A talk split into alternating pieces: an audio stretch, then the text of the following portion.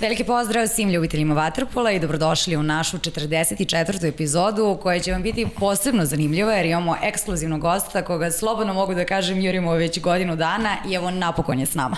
Jedan od najboljih golmana svih vremena, po mnogima i najbolji klubska karijera kao i reprezentativna bile su fantastične, a koliki je trag ostavio, najbolje svedoči i da su svi naši gosti u prethodnih 43 emisija ga barem jednom spomenuli. Da ja ne dužim Paju previše, Da, da krenemo u... Da krenemo. Pa znaš kako, ajde, ja pre, pre nego što zvanično predstaviš gosta, ja prvo da ti poželim srećan povratak Hvala. sa mora, što si ovde i imaće možda neke novitete, ne toliko prijatne, ali o tom potom ne, neću da pričam sada o njima, zato što neću da se kačem na neprijatnosti ovakve jednoj lepoj emisiji. I samo da kažem da, da ovaj, čestitam uh, vaterpolijskim Vojvodina osvojene šampionskoj tituli, možda ćemo na kraju emisije da pustimo neki snimak, eto čisto da ih, da ih pozdravimo na taj način, da kažemo da radnički vodi u filmnoj seriji prvenstva Srbije protiv Novog Beograda je 1-0, jedna vrlo dramatična utakmica odigrana u sredu, radnički slave posle peterca, prvenstvo se nastavlja u subotu utakmica broj 2, eventualno majstorica sledeće srede, tako da eto domaći šampionat vrlo interesantan i nadamo se će naredne godine biti još interesantniji, a sada nestrpljivi smo svi, ajde da zvanično predstaviš goste. Mislim da je svima jasno kada sam rekla najbolji golman svih vremena, a toliko smo poruka a, i a, komplimenata dobili na našim profilima da znamo da ste svi jedva čekali da sa nama bude Denis Šefik. Denis je dobrodošao u studio na kraju univerzuma, konačno si nas posetio, mi smo jako srećni zbog toga. Kako se osjećaš ovde kod nas? Odlično, hvala vama na pozivu, vrlo prijatno za sada. Sjajno. E, Denis, daš kako, e, Marina ja imamo neka, kombinujemo malo, neka krenemo od, od e, s kraja, neka s početka, ja ću sad da, onako, volim bih da počnemo onako od, od starta tvoje karijere. Prvo, drago mi je, mnogo mi drago što si ovde i verujem da će ti sledeći put kad te budemo zvali biti lakše da, da dođeš u sledeće gostovanje. I, e, imamo informaciju neku i to mi si pričao negde da si sa 8 godina počeo treniraš u Crvenoj zvezdi kod e, trenera Nenada Vasilevskog. Zašto vaterpolo, zašto golman? Pa dobro, to mi je prvo bilo najbliže na 11. aprilu, jer sam ja živao na Beogradu u 63. bloku. I onda je to bio najbliži bazen na par minuta od zgrade. I onda sam tu proveo jedno dva meseca. Uh -huh. Nije dugo trajalo i prekinuo sam tada, ne sjećam se ni zašto, ni ovo, ali sam prekinuo posle dva meseca i onda tek nakon jedne utakmice u futbolske utakmice, ne znam ko je bila, taj trener kola je bio na Partizan igrao neku futbolsku utakmicu videli smo se na stadionu i onda on rekao da je u Partizanu mom ocu i onda on mene odveo posle jedno desetak dana u Partizan na trening i tako krenuo. Uh -huh. E sad, e, mi znamo da si bio talentovan i za druge sportove, ali da je Vatropolo presudio i možda pod uticajem moca, ali si zvezdu brzo zamenio Partizanom. Da. Pa dobro, to je, bio sam na više sportova, sam što je istina. Da kažem, možda i da jesam, imao sam nešto malo ljudi zna, bio sam na takmičenju gradskom, uh -huh. u plivanju, naprimjer kao vaterpolista sam povedio prvaka države u prsnom uh -huh. stilu i mislim da sam tad čak nešto bio, bio sam nešto blizu rekao da sam bio, sam plivo oko 30 sekundi na 50 metara, što je jako bio dobar rezultat tada za možda i dan danas nije toliko loš za 50 metara na prst. Da. Tako da možda na to ste misli, ako, ali bavio sam se onako išao sam na više sportu, ali voda, vodu sam najviše volao od malena i tako je Waterpolo dobio Mene ja njega. E, Denis je, ono, to, taj neki period od rasnije 90. bili su prilično onako lude godine, živjeli smo ih i, i ti i ja.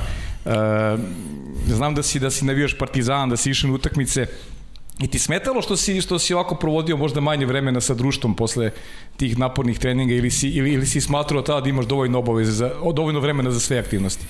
Pa jeste, nekad mi je smetalo nekad mi smeta onako, imate osjećaj da ćete nešto da propustite kad ode neko društvo, tako negde. Mislim da nisam bio na jednoj rekreativnoj nastavi. Tu sam baš onako se iznervirao, međutim, posle toga je bilo neko takmičenje da sam bio sa reprezentacijom starom i onda sam su uzeli zlato na tom takmičenju u Dženovi, ja bio proglašen najbolji golman i onda sam zaboravio sve. Sve. Isplatilo se. Da. E, igrao si za student godinu dana, filijalu Partizana. Tako. Da li si već tada znao da te čeka lepa karijera? Šta su ti treneri govorili? Pa niko ne zna tu da ga čeka ili ne čeka. Taj su student su išli uglavnom mlađi igrači koji treba da steknu iskustvo i da vide kako izgleda braniti za prvu ligu u stvari, mada je to daleko od onoga što je nije isto braniti u studentu i partizanu. Ne. Neki su igrali ceo život u studentu pa nisu mogli da pređu u partizanu, to je normalno. Mislim da je ta godina meni onako dosta me razvila. Uh -huh. Imao sam dosta dobrih i utakmica za student tada. Dosta dugo je trajala ta sezona, posle sam pred kraj sezone se vratio bio sam u Partizanu, ali nisam imao pravo da nastupam jer je Dragan Jovanović napustio pred kraj prvenstva Partizan i ostalo se na jednom golmanu kuljaču i onda sam ja tu bio kao ispomoć te godine do kraja prvenstva. Sad ono što je meni zanimljivo, svi naši gosti ovde su rekli da ne vole da plivaju, a ti voliš da plivaš. Pogotovo golmani. Da, pogotovo golmani. pa, kako kad? Kad? da. Ti si I, samo dobar plivač, a to ne znači da si voleo. Da, mislim, pa, volao sam kad nemam previše obaveza, ali... Nekad su bili teški mnogo trenizi, pa je, smo jedva čekali da izađemo iz vode. Pa, prolazili su se te i pripreme reprezentacije da su nekad trajale beskonačno dugo trenizi. Uglavnom je to imalo, ali nekad i nema, nekad ima kad se pretera onda ima i kontraefekat. Mislim da je to na sve ostaje, ali dobro, to svi moraju da prođu i mislim da je to jedan normalan deo puta ka nečemu što želiš. E, pričat ćemo nešto kada sam je prošlo kroz glavu, ali neću da napravim tu digresiju, zetiću se na kraju da malo popričamo i o tvom pokornom ocu Neši koji je i te kako bio aktivan u vaterpolo svetu i dosta, e, dosta pomagao na svim poljima, ali o tom potom, ajde pričat ćemo, pričat ćemo o tome. A sećaš se debija e, Denise za prvi tim? E, uz koju si ti generaciju rastao i koga ste gledali u tom trenucima, od koga ste učili i skupljali neka, neka iskustva? Pa dobro, kad sam došao prvi put na banjicu, bio kraj 88. godine, mm -hmm. tako da. Imao sam 12 na 13 godina ili početak 89. i vrlo brzo sam ušao u takmičarski pogon, preskočio sam dosta golmana koji su i duže trenirali i postao sam drugi golman za 75. godište. I tad naravno su bili to je bilo ono vreme stare Jugoslavije kad niste znali u kog igrača više da gledate ili da blenete mm -hmm. kao što su nam, na, to su zaista bila vremena, imali smo dobre idole i bio ipak drugčiji sport tada. Mm -hmm. Mislim da u svim segmentima smo mogli da se ugledamo na njih, bila su drugčija, malo zdravija vremena. Prvenstveno to što se pravilo da budemo ljudi, pa tek onda igrači, mislim da je to izbacilo sav kvalitet u svim sportima koji je bio u toj staroj državi. Mm -hmm. A kako neko ko je sada najbolji golman svih vremena gleda na svoje prve utakmice? Je bilo straha, treme? Pa evo sad me pitao da se sećam kad sam debito, to je prva utakmica mi je bila to u prvu ligu koju sam odigrao. To je bio student, ali se ne sjećam uh. -huh. koja je utakmica bila. Znam da sam imao par dobrih partija sa zvezda, protiv Zvezde sam imao baš dosta. Sa Bečem smo igrali nerešeno toga se onako sećam jer Beč je bio ekipa koja je bila kandidat za prvaka za osvajača prvenstva. A, u Partizanu sam tada 93. na 94. 94. na 95. za prvi trofej. Tad smo uzeli duplu kronu posle dugo vremena i to mi je bilo onako prva sezona koja me mada tad nisam branio, je bio prvi golman ali mi onako ta sezona ostala kad uzmete prve medalje sa klubom, to vam onako ustane upečatljivo bez obzira što nisam imao neku minutažu. Uh mhm. -huh. U prvom mandatu sa Partizanom osvojio si tri nacionalna kupa, jedan šampionat i koji od tih trofeja ti je bio naj, najdraži pošto crno-beli nisu baš bili toliko dominantni u tom periodu? Pa šta znam od tih trofeja A možda to prvenstvo sa Bečem, što je bilo ipak, jer su bilo dobro, kažem, nije isto kad vi branite i kad ne branite mnogo više daleko je drugčiji naravno osjećaj. Ali su mi to bili onako prve prve medalje sa klubom i to prvenstvo mi je ostalo tada za Bečem, igrali smo na pet utakmica, ja mislim. Bilo onako baš muško finale posle dugo vremena. Iako je i pre toga godinu dana smo izgubili od Budve u izgubili smo od Budve u finalu i to je bilo finale. Bilo Eto da kažem, to kad sam uzao prvo prvenstvo, to mi ostaje onako, toga se sećam, na primjer od svega toga se sećam dan danas kad smo dobijali te medalje na banjici, to mi je ostalo, ove ostale slike nemam baš toliko Slavije. Mm -hmm. Da, znači da je to to. Da. Žele, kaži mi šta tu Partizanovu školu čini specifično? Znam da si je nekom od tvojih intervjua si uporedio sa Ajaxovom školom u futbolu. Pa, ona je i važila sa Ajaxovom školom u futbolu kao najvećom školom najboljom na svetu, pa specifično je bilo, prvenstveno je bio rad strahovit na prvom mm mestu, od onih najmlađih do najstarijih. U to vreme, kažem,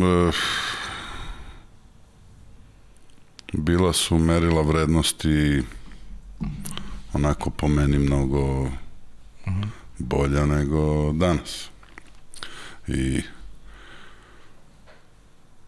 imali ste, kažem, prvo je bilo merilo da od vas prave ljude, mm -hmm. pa posle da, da ćete vi biti igrači. Mi smo tu onako provodili vreme, ja kažem, i uživali smo uz to, bez obzira što, kažem, propuštali smo neke ovako stvari, ali to je minorno u odnosu na ono što vam se vrati posle.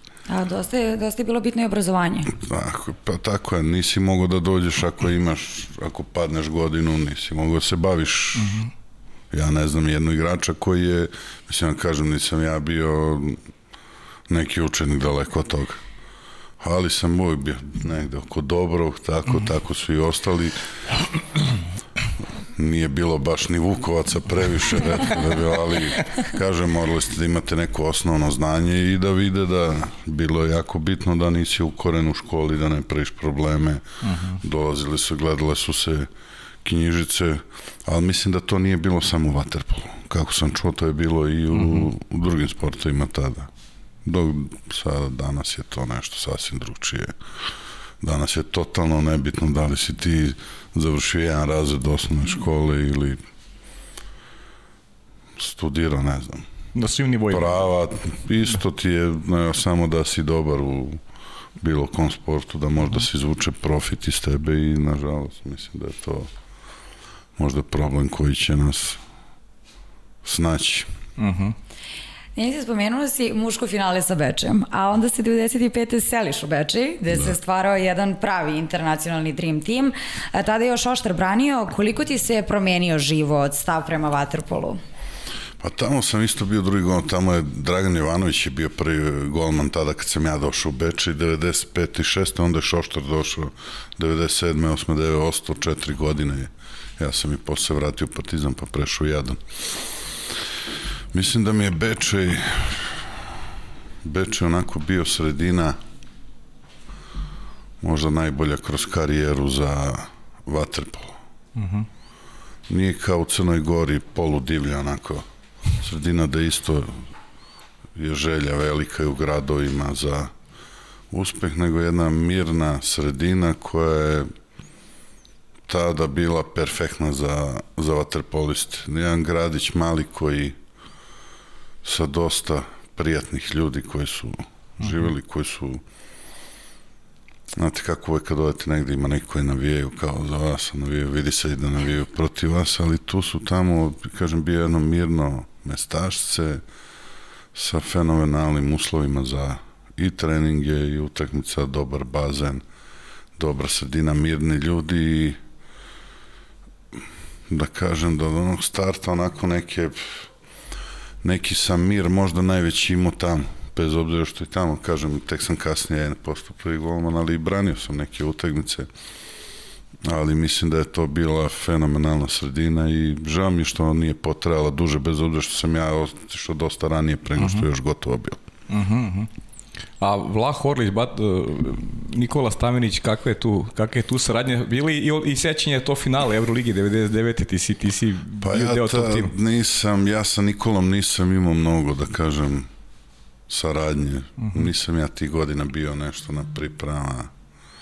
Nismo se, ne da kažem slagali, nego jednostavno bile su neke okolnosti koje možda i bolje nisu za -huh. za priču da ja iznosim moje stave, zašto ja nisam.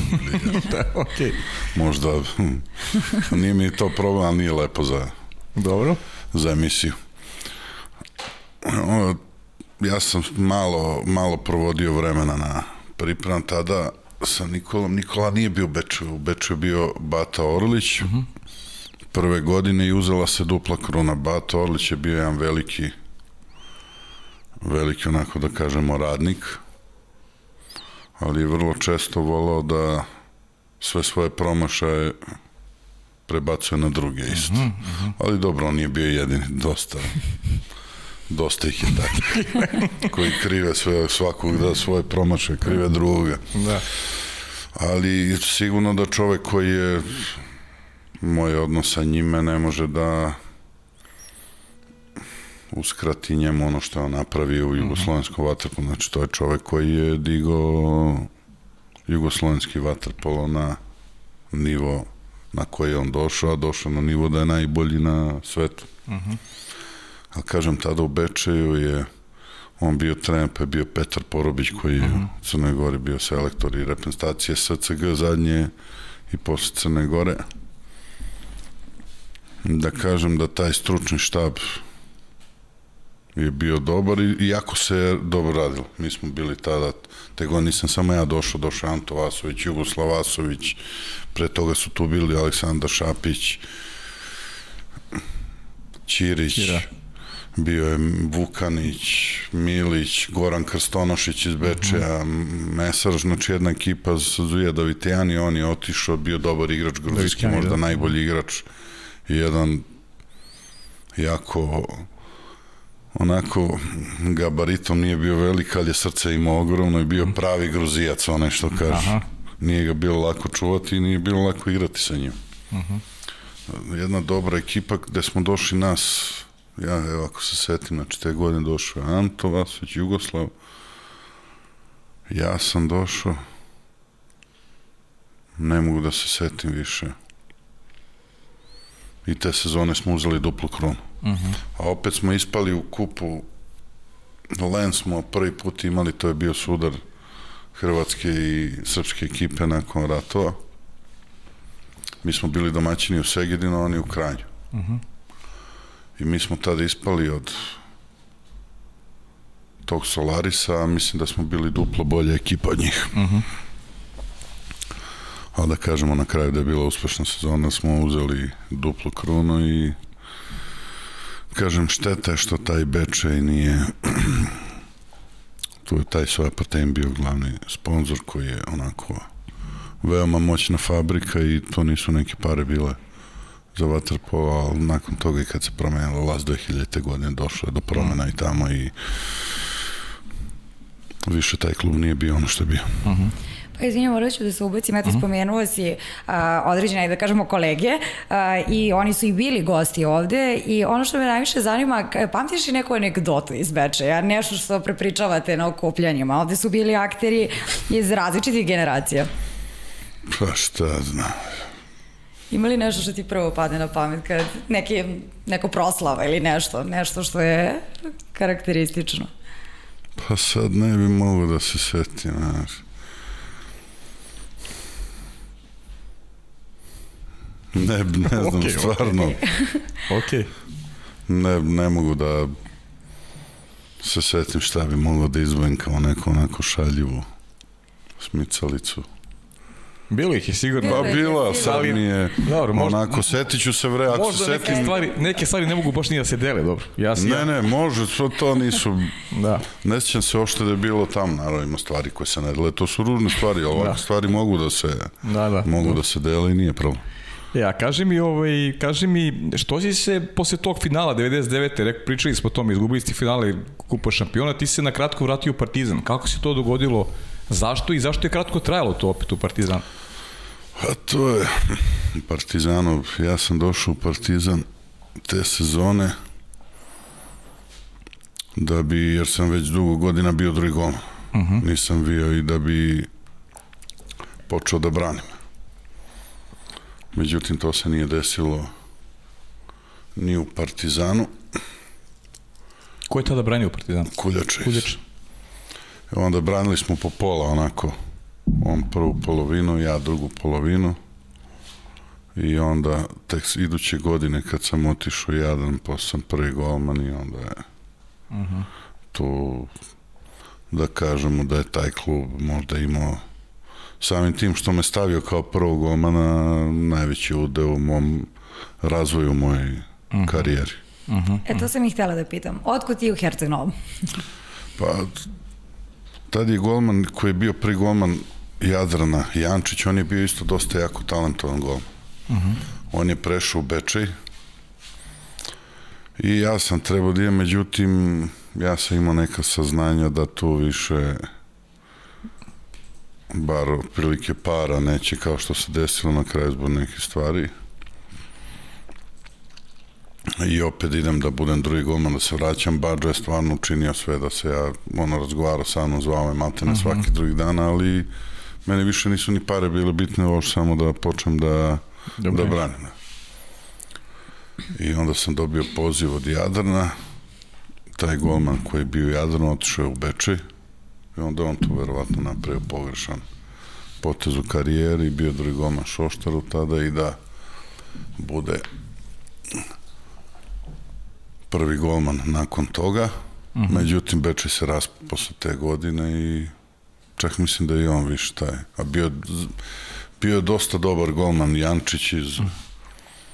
Herceg Novog, dobru visinu, bio je onako brz, imao je i dobar instinkt jedan golman koji mogu da ima dobru karijeru, ali nekad vas pogrešan potez košta. Mm. košta jako puno, nekad malo manje i tako, a što se tiče što sam pitali za Jadran, mislim, na taj način sam ja za pitanje da nije on otišao u Bečej, da li bi jer on je jako dobro branio u tom Jadran s Herceg Nogi, oni su se polomili da njega ostave u klubu. I došao sam u Jadran i onda ja sam tamo imao takve partije da je bilo više redko. Mnogo teško bilo da bi mm. i kad su doveli drugog golmana, posle mene su zvali posle godinu dana nazad i ja se vratio i to je, kada kažem onako, tu sam pokazao sve što otprilike znam. Pa i samo mikrofon žele približiti da, da, malo. Da, da, baš. Ovaj, tri titule, dva kupa, E, aj malo posjeti me na stvaranje te ekipe, ko je igrao, koliko ti je bilo teško. Prvi put se tada odaljio malo, malo više od kuće, ipak je bio si Beče i blizu. Ma kako dobro, od ko je to? to je sat vremena letom, još pola da. sata ko nije. Da, dobro. Mislim, ili kolima 7 sati nije to ništa. Da. I si živao konstantno ili si ono bio malo relacije? Ne, ne, ovo vreme sam živao mm -hmm. u tamo. Mm -hmm. Pa to kad sam došao, video sam da je ekipa činilo mi se da je talentovana kao što i jeste bila. Uh -huh. Nisam ja jedini došao, došao je Aleksandar Nikolić Splića koji je sada Splića, trener u Partizanu i Nenad Petrović Oliva koga smo zvali koji je bio bek isto iz Partizana njih dvojica su bili jedni najboljih drugova tada isto uh -huh. ovo je bio bek reprezentacije više nije igrao za reprezentaciju ni Oliva nije igrao ni ne, Petrović ni Nikoli nisu igrali više za reprezentaciju ispali su iz reprezentacije kako Nikola više nije selektor bio, došao Nenad Manelović i nas trojica smo došli u Jadan iz Hercegovina. Tamo je bio Boris Loković koji je bio klinac još, ali se mhm. videlo da je jako, jako talentovan. Predrag Jokić, uh mhm. -huh. Koji je tada već 18 godina pokazivo na beku da je, boga mi, tad sam ga vidio već da možda bude najbolji bek na svetu kao što je on i bio u jednom momentu. Vladimir Gojković, Znači, to onako, ta tri ostalo su onako, bio je Siniša Matijašević, Matijašević, levoruki, mhm. koji je nažalost morao, on imao dobar šut, onako da kažem. Svi levoruki šuteri su bili dosta nezgodni. On je zbog tog problema sa srcem, imao problem sa srcem i druge godine mora da prekine karijeru. Bio Strugar koji je igrao, onako bio pri reprezentaciji jedan igrač iz Kotora koji je igrao i u Bečeju, i u Kotoru, i Jadranu dole. Igrač sa velikim kvalitetom, ali i jak fizički, ali je onako da kažemo bio pravi crnogorac poludivalj kad mu nešto dođe on zbog gluposti prekine i ne interesuje ga ništa. Mm. Onda je teško bilo sa njime nekad, iako je dobar momak, razgovarati jer je pošten i ovo, ali Mate, za, za, a nije ni glup, znači vrlo pametan, znači, ali izgleda mu to nekad izbije Da ne kažemo šta je da. čovjek. E, a zašto su govorili neke često ovde, ovi, ti, ti, bili su nam ovde i Boris Loković i Vlada Gojković, e, Miloš Ćepanović je bio i recimo Boris i Vlada su pričali da im, da im falo u karijeri, da su žale što nisu recimo prošli Partizanovu školu da im je falilo malo više te radne etike, kaže, malo su imali, onako suviše su imali nekad pristup, onako lako ćemo, da su to i kroz rezultate nekad tokom karijera kad treba da nagaze protivnika, da ga pobede, da su imali ta neko opuštanja i da, i da smatraju da je recimo, da, da im je nedostajalo to što ste vi imali, taj, taj, ta, ta partizanova škola. Ne znam, ne znam da se slažeš sa tim, pošto si ti prošao u novom dosta. Vidite, ovako, mi, ta, ja sam tad, kad sam branio za Jadan, igrali smo s Partizanom i, i u Partizanu je došlo do promena. Šoštar i Igor Milanović su smenili Avramovića i ekipa je prvi dve godine onako uzela jedno prvenstvo, pa se posle raspala, otišli su igrači zbog dugova čega već. I tada su Igor Milanović i Šoštar počeli da vraćaju malo partizan na neki na neke svoje godine kad se počelo da se radi disciplina, rad, rad, disciplina, jer Partizan već počeo vremenom, što se nažalost desilo unazad par godina, uh mhm. -huh. da ide nizbrdo. Uh mhm. -huh. Međutim, tad smo igrali s Partizanom jedno prvenstvo gde je Jadran izgubio prvu utakmicu 6-7-0 na banjici. Uh -huh. Da go. Sada dobro, oni nisu mogli da znaju kakva je Partizanova ta škola, mogli su da čuju sad. Sigurno da svakome nedostaje ta škola u razvoju, ali s obzirom da smo mi igrali tad Jadran Partizan, ne može da bude dve škole Partizanove u, mm. u istim znači ekipa tako Moguće, sigurno ne samo njima, nego fali to svima. Mm -hmm. okay. Svi, svaki igrač bi bilo dobro da prođe tu školu u kojoj smo bili, jer mi smo kao klinci te pripreme, gde su trenzi dnevno bili minimum 7 sati na, na planini, to treba Izdržati. To treba izdržati, ali posle toga, jer mi smo u mlađim generacijama imali trening svaki dan pred pioniri, pioniri. Dok su ovi dalmatinci, crnogorci, ajde crnogorci su imali svaki dan, dalmatinci, ovi, ne znam za mladost, ali kako sam čuo, oni su onako, nisu imali svaki dan treninge. Uh mhm. -huh. Svaki drugi. I onda smo ih mi na čistu fiziku uh -huh. drali na kondiciju. Kako je to vreme išlo, kako su oni sve redovnije trenirali, onda je taj njihov talenat, jer su oni uglavnom u vodi, da, smora. Mm. izbio i to je bilo onako čim su oni krenuli da treniraju malo ozbiljnije. Ozbiljnije, tu je već balans postavio. Da, da. A mislim da su oni ipak sa mora bili talentovani od nas. Uh -huh. Što je i prirodno verovatno. Uh -huh. E sad treba da spomenemo da je tu kruna trebala da bude u Budimpešti, u finalu Lige šampiona. Tada ste poraženi od Honveda, domaći teren Mađara, vaša mladost. Šta je odlučilo? A tu je odlučilo mnogo stvari, ali da kažemo da su oni više zaslužili da dobiju. Mi smo te sezone igrali sa njima u Hercegnom, igrali smo u grupi i dobili smo Hercegnom, mislim da je bilo 6-4, nisiguran, tamo smo igrali nerešeno u Budimpešti je 8, 8, nisam siguran koja, znam da je bilo nerešeno. I taj Honved je u zadnjem kolu jedva prošao na do četvrt finala, pa polufinale jedva se plasirao na jedva je grupu prošao. Posle sve lakše prolazi. Onda smo imali to polufinale Jadrana imao sa šturmom Šturm, iz Rusije, tu smo dobili 5-3 utakmicu, sve su bile onako tvrde, teške utakmice, ali to finale da se i povredio Zloković, on je to malo slabije finale odigrao, a Boris Zloković je tad već pokazivao te 2004. i treće već bio pa možda najbolji centar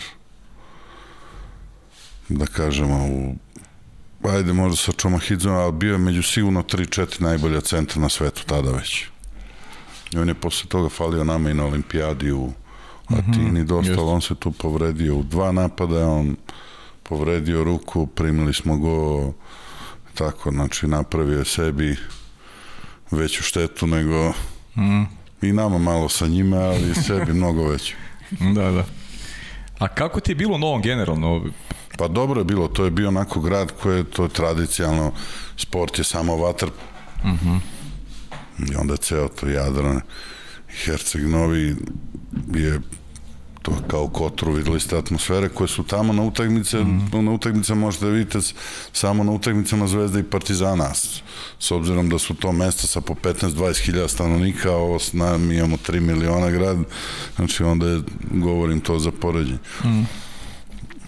Onako, zaista jedna sredina dobra isto za igranje. Mm -hmm. Stoji ti da kažem, u Crnoj Gori isto, Herceg Novi Kotor, pretpostavljam, isto su onako sredine, samo tamo morate da istrpite neke stvari mnogo više nego u Beči. U Beči je slična sredina, ali mnogo pitomi uh mhm. -huh. pitomi grad. Ovamo morate malo da istrpite i da se nekad namećete i kad ne treba da bi mhm. vas neko ostavio na miru ko uh -huh onako daje, jer uglavnom svi daju za pravo sebi da komentarišu, svi znaju sve. -huh, uh -huh. A te su sredine onako baš do, dosta karakteristične po tome i na svakom ćošku svi sve znaju o vaterpolu. Ali generalno je generalno je i to onako da kažem možda je to onako najlepši deo moje uh mhm. -huh.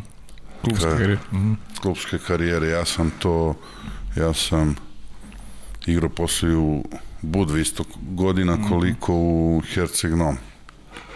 Samo što ni blizu, ni u Budvi sam, na primer, imam više prijatelja sam stekao u Budvi nego mm -hmm. u mhm. Hercegnom, ali Budva je neka totalno drugčija bila sredina za što se tiče sporta, Budva je strahovito. Jedna sredina sa mnogo para gde nema poštovanja ni prema mm -hmm. ni mhm. prema čemu, ni rezultatima, ni takvi su uglavnom ljudi ne svi naravno. Mm -hmm. Ali Budva je bila jedna totalno drugčija sredina gde ali u Budvi je bio lošija, mislim u Budvi da ne prinosto to bi sad moglo se raši, bila i drugčija situacija i u upravi bio je jedan predsednik, ovamo su direktor i sekretar, uglavnom bili druga struja i tako pravili su se da su dobri, ali znate kako to izgleda, nekad je bolje, kao što mi danas imamo, nažalost, i kod nas su sportni u Waterpolu, neki koji pričaju, možda bolje da ne pričaju, bili bolji rezultati, ali Pri, da. Pričat ćemo o Budvi jer ona je došla posle Atine, ali ajde prije tog odlaska u inostranstvo samo da spomenemo da si se ponovo vraćao u Partizan, pa ponovo u Jadran, šta se tu dešavalo? Da, tad sam iz, posle tog finala Kupa šampiona, mislim ja sam se već dogovorio s Partizanom dva meseca pre mm. toga.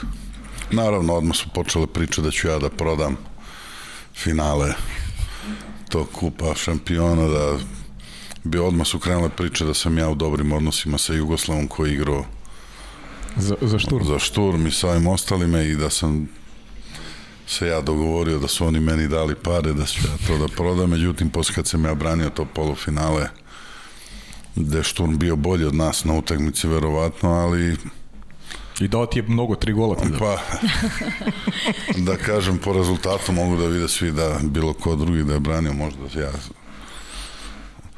malo i nisam objektivan, ali teško da bi dobili tu utakmicu.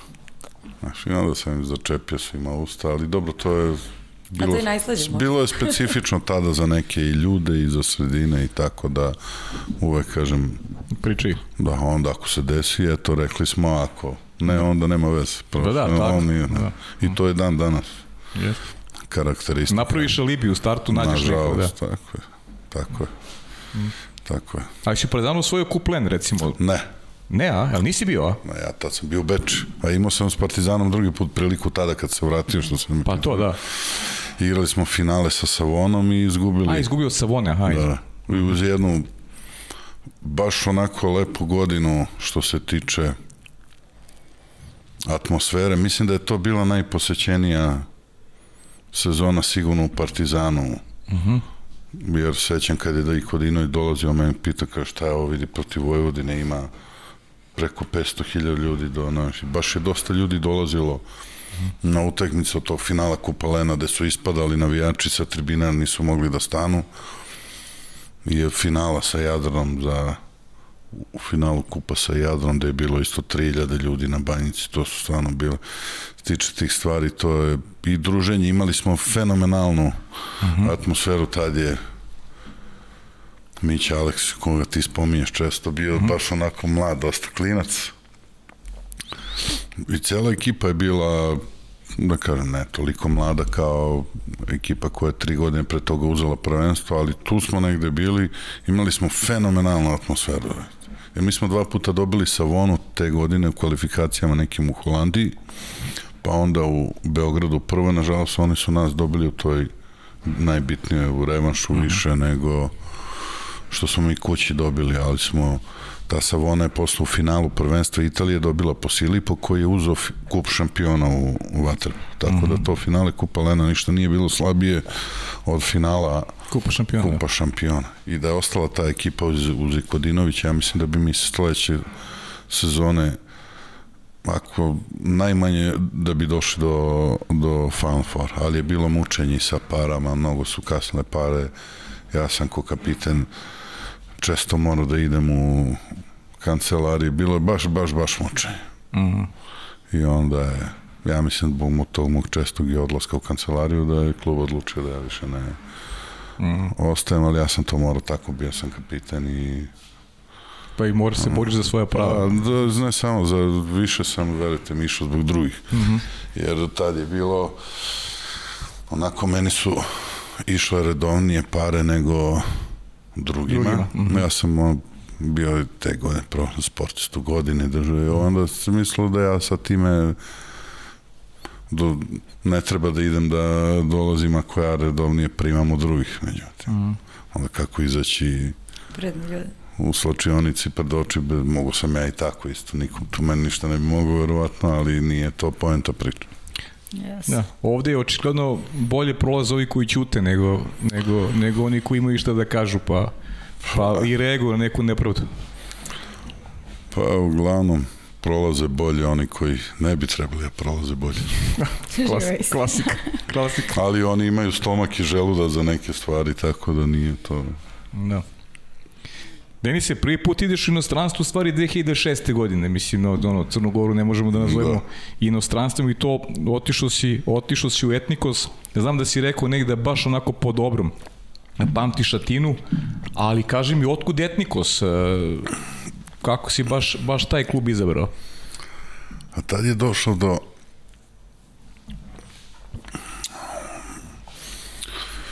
Ovako, ja sam planirao da ostanem u Hercegnovu. -hmm. Međutim, te godine su bili bilo, bili izbori o za nezavisnost Aha, Crne Gore. Da. I ja sam, trebao sam da ostanem. Međutim, posle sam čuo neku priču da je desilo se da smo trebali bio neki miting mm -hmm. u Herceg-Novom DPS-a koji je bio, a DPS je dao pare nama. Mm -hmm. Mislim, ne nama, dao je klubu, klubu da. Jadranu bio kao što svuda zavise od, od, od državnih institucija. Da. Tako, od državnih institucija, tako i tamo bilo. A grad je pripadao opozicijonom delu. Aha. Mislim, opozicijalna vlast je bila u gradu. Mm -hmm. I onda je to izvinjam se, to se desilo kad je bilo izbori za gradonačelnika, grešno. Uh -huh, uh -huh. I uglavnom Stanko Zloković je Borisov otac bio uh -huh. kandidat koji je nama svima prijatelj.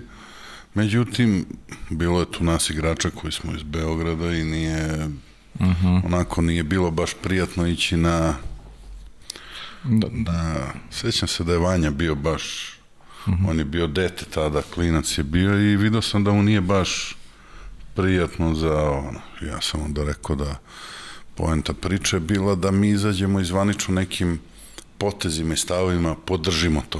Uh -huh. Mi smo mogli, ja sam rekao, nema nikakvih problema. Mi izađemo.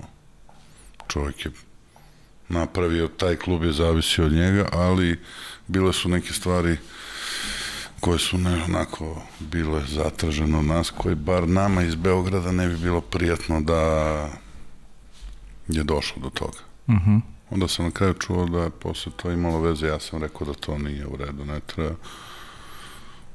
Tad sam pričao i sa Vanjom, rekao sam ono bilo ako nije toliko bilo mešanje uh mhm. -huh. politike u u kažem, ali je nije ni bilo onako prijatno.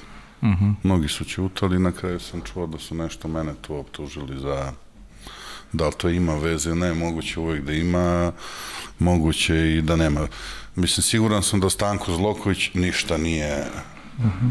on bar spomenuo što se mene tiče, ja bi više volao tada da je on bio naravno gradonačelnik, nego neki drugi, ali uvek imaju oni tamo koji su dalji, koji čuju nešto, pa onda oni najbolje znaju kako se desilo i izmišljaju on svakakve priče kao što i to dan danas, ali da kažem, taj mi izbija, ja sam, mislim, mislio da će sigurno ostati u, u Jadru. U Jadru, da. Međutim, onda je posle došlo i do, vrlo moguće i do, kad je došlo do razdvajanja države, ja sam bio isto jedan od onih koji nisam bio za to da igramo na zajedničko Ja, to, do toga ćemo doći. Da, da. igramo mm -hmm. u euro, pa moguće da je to razlog isto, mm -hmm. i mhm. to nije, to ne možete zameriti vi nekome ako ste vi protiv da on nastupa sa vama, pritom igrate tamo i zavisite da ja zamerim njima nešto za to, nego treba da gledam kao normalno. Mm, jeste, jeste. Ali Atinu pamtiš po lepo. Atinu da, zato što je bilo možda nedlju dana, kišnih dana, ne, da kažem, nedlju dana, cele godine nedlju dana. Bilo kišnih dana i ona mi je ostala onako baš kao gde sam se provodio i sa porodicom mhm. -huh. i ovo baš je bilo prelepo. Svuda smo išli kolima, lepo vreme, lep grad. Jedino što nisam uzao nijedan trofej te godine sa Etnikosom, izgubili smo finale od Olimpijakosa, finale kupa i finale prvenstva od Olimpijakosa, koji je realno bio malo bolja ekipa od nas, ali je, da kažem, ono, ja sam imao zaista momke u klubu koji su bili fenomenalni momci. Dok Nikić koji igra u Olimpijakosu nije baš bio toliko Srećan. da, onako ima, pa znate kako uvijek ima to zavisi, znate, to meni je stvarno bilo društvo fenomenalno, šta god da mi je trebalo, oni su mi bili tu kad nešto, ne znam, svaki dan maltene su me pitali da li mi treba nešto, da o, da... A dobro, možda je Boban i promašio boje, znaš. ne, da Olimpijakos je tamo naj neuporedivo celo sportsko društvo, to je... Ajde, naravno. Mm. To je onako, da kažem, možda da uporedim jedino Fenerbahče u Turskoj, mm -hmm. koji je, ajde, njih ima navija 30 miliona, četir, Turaka 40 navija za Fenerbahče to, ali Olimpijakos je, kad dođete vidite koliko je ima najveći broj pola Grčke navija za njega, celo to sportsko društvo je stacionirano. Mada je meni Pauk mnogo bliže. znam, znam. znam da jeste. Ja, čekaj, ho- hoćemo da preskačemo budu, priča... Šta da kažem, da, mi smo Da. Budvu završili, ovaj, mislim, manje više. Jeste, Mogli bi da. mi odmah u Italiju. Mogli bi da Italija idemo u je meni Italiju. zanimljiva. Da. Civita Vekija, mada, mada ti si neko volao to u inostranstvu, ti je to sve bilo po godinu dana, nisi se mnogo zadržavao ni Civita Vekija, mali lučki grad kod Rima, Pa ja sam imao posle, ja bi ostao u, u Etnikosu da su oni razgovarali, u stvari oni su u jednom momentu meni rekli oni nisu više imali strance i rekli su da će sledeće godine igrati bez stranca. Nakon toga su me zvali odmah posle nedelju dana da ostanem i taj koji je bio sportski direktor i vođa navijača je došao sa mnom da se vidi da bi ostao i igrači su svi tu, zato su mi se i onda mi u jednom momentu bilo krivo što sam otišao u Budu. Budu, mhm. Ali ja sam već na posle nedelju dana na turniru Svetske lige u Novom Sadu dao reč. da doćemo od toga, tebi reč, tebi reč svetinja, to znam, Tičića da. i onda sam tu, pa do, vidio sam vremenom da to kod nas ne, Da, ali- ne znači mnogo.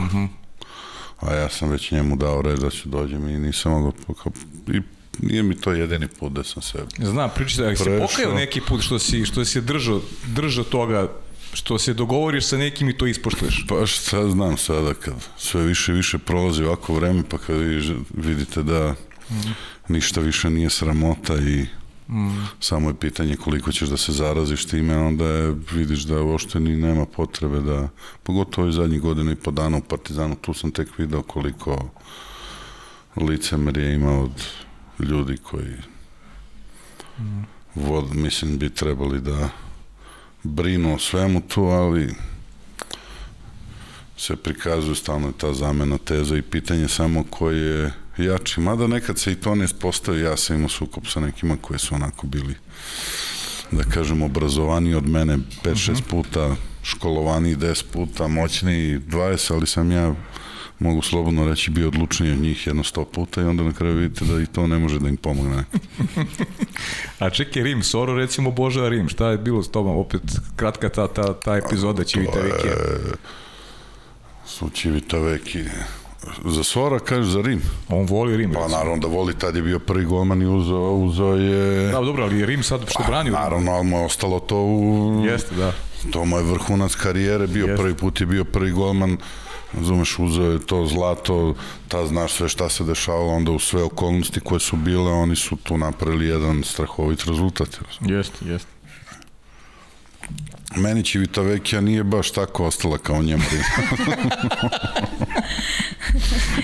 Okej, A, okej. Pre nego što sad prelazimo na Crvenu zvezdu, Tako je, da. i imam jedno pitanje. Da li, e, pošto si veliki filmofil, ta sezona u Crvenoj zvezdi, da li je za film i u kom žanru bi padao? Pa ne znam, ta sezona je onako, da kažemo, možda neki talični tom da se snima. Talični ton da se Jer igra. više zvezda imala sreće nego talični godine. Pa ovo, ta sezona je bila stvarno, E, čekaj sad, ajde pođi ovako. E, osvojio si trofeje, koliko ti je bilo teško kao jednom okorlom partizanovcu sa tom reputacijom si poznat još od, od, od malih dana, rekao sam išao si na utakmici i tako dalje, koliko ti je bilo teško pređeš u zvezdu?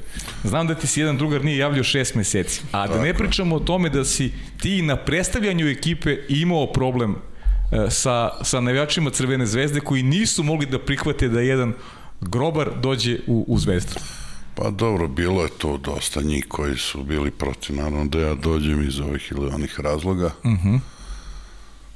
Na kraju je to, da kažem, ja sam već spominjao, ja sam najveć imao otpor od sina, nažalost.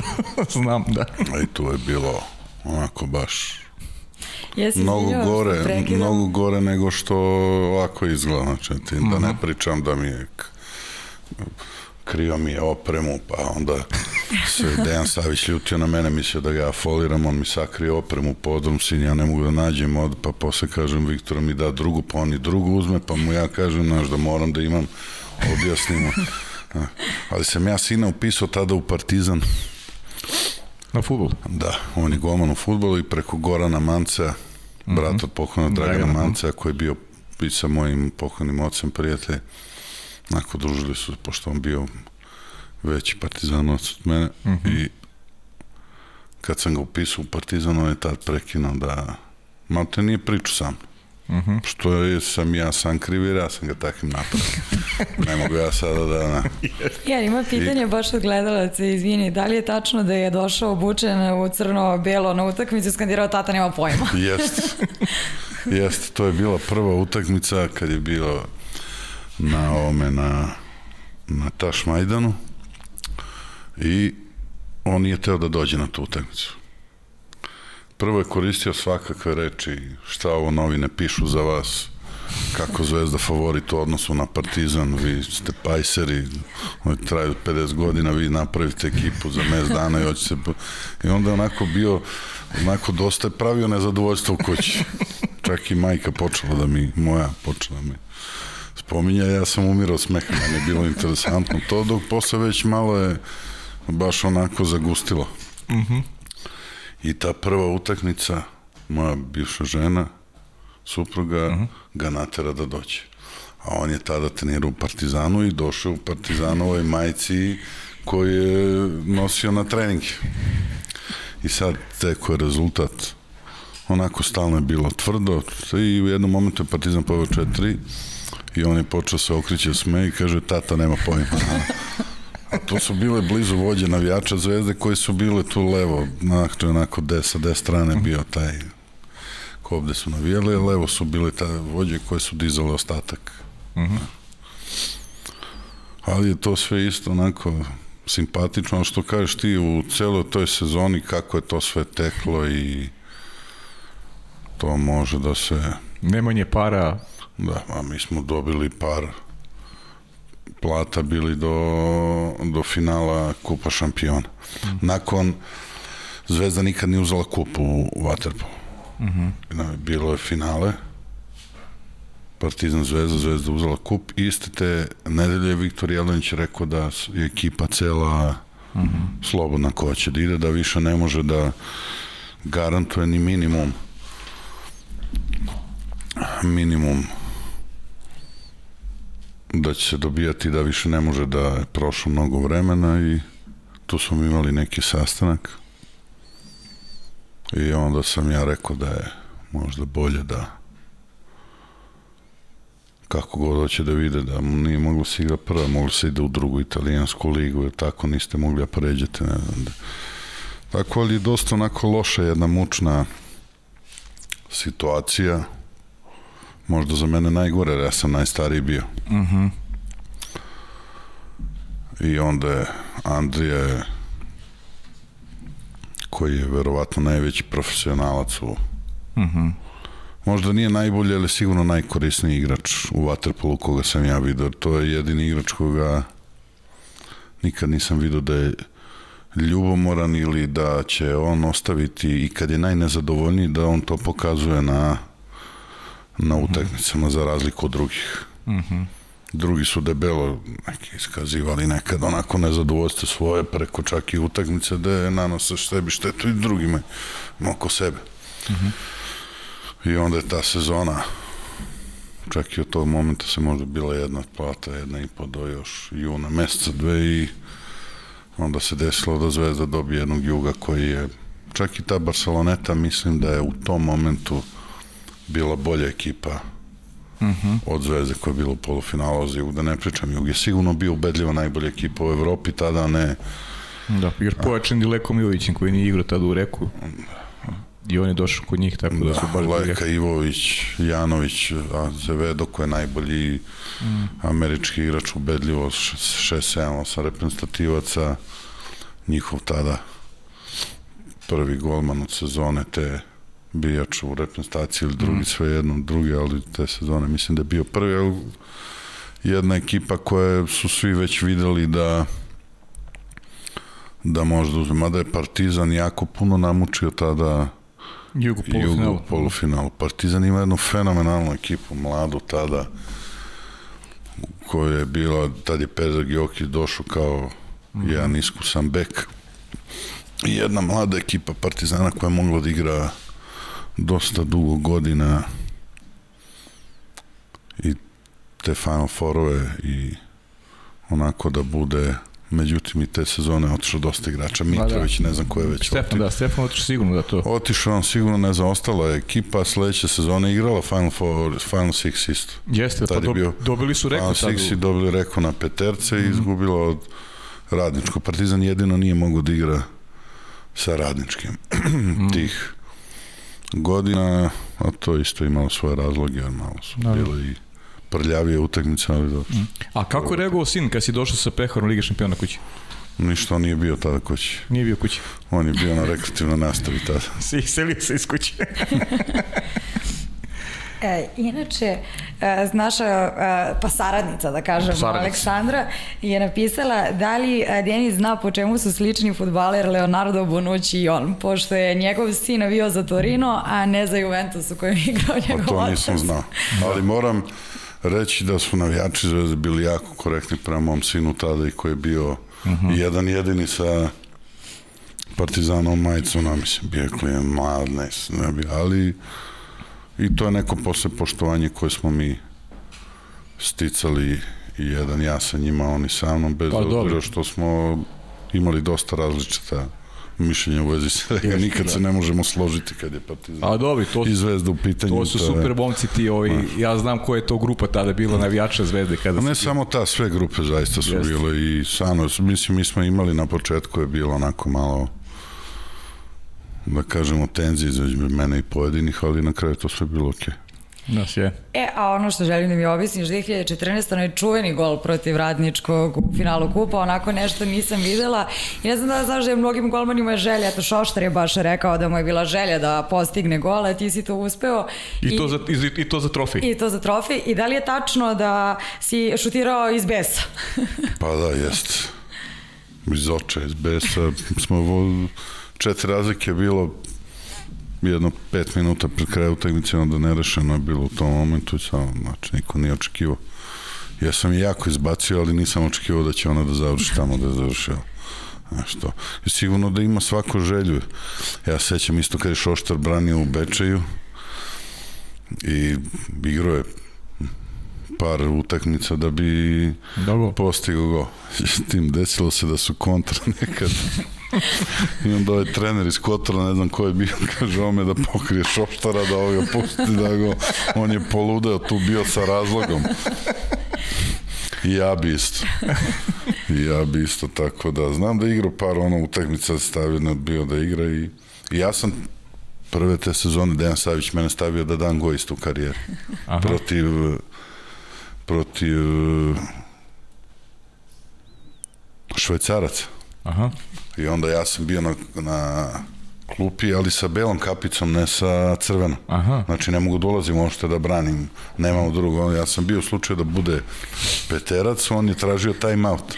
A mi smo bili, Kažina je bio klub nešto bez publike da igra, ne znam zašto, zbog neke utakmice, da li sa, Beče, sa ovim jugom, da je bilo dve i po hiljade ljudi na, na ovom, na 11. aprilu, isto su ispadali ljudi sa tribina, nisu mogli da stanu. I mislim da smo bili kaženi zbog nečeg tu sa švajcarcima bez publike i zadnji sekund utakmice peterci. Ja već krenuo da idem na, da se tuširam. I on, stani, stani. Ja vidim njega, trči i on sve tamo trči, dera se time out, time out, time out. Kaže meni, aj šutire. I on, ulazim, šutnem. I pokažem golmanu čak, ovome što je bio taj Peđa je naš momak, branio za švicarce, da ću ja šutnem njegovo levo, on se baci desno. Kako sam digao loptu, ona mi ispadne iz ruke. Sjajno. Eto vidiš, nije ti se dalo, ali zato si dao On gol. je poludao više od mene bio. On je po crvene odmah poludao, samo se okrenuo, spustio onako nosu, mm, 150 kila, poludao je bio. Više se iznervirao, ja sam se iznervirao isto, ali mislim da on više od mene. Sjajno. E, imam jedno, jedan predlog, pošto smo Ajde. spomenuli a, Andriju Prlinovića, da mi ovaj, presečemo pre nego što pređemo na radnički sa pitanjem. Ajde, može. Pozdrav svima u studiju, a najveći za Denisa, mog velikog prijatelja i sa, bivšeg saigrača. Mnogo puta smo imali razgovore o Waterpolu i dosta analiza smo napravili, mislim, ali mislim da ga nisam pitao nikada mi istakne da izabere tri najnezgodnija šutera koje, s kojima se susreo kroz karijeru i evo prilike, evo idealne prilike za to. Još jednom veliki pozdrav svima. Veliki pozdrav za Andriju. Pozdrav za Andriju, hvala puno. Pa šta da kažem, što se tiče šutera, na mene onako bar meni što se čini je Kašaš broj jedan uh -huh. onako ubedljivo ono što sam ja vidio u karijeri. Uh -huh. Znači, njemu se najmanje dešavalo da golman ne dignu ruke kada on šutne, kad je lopta u golu.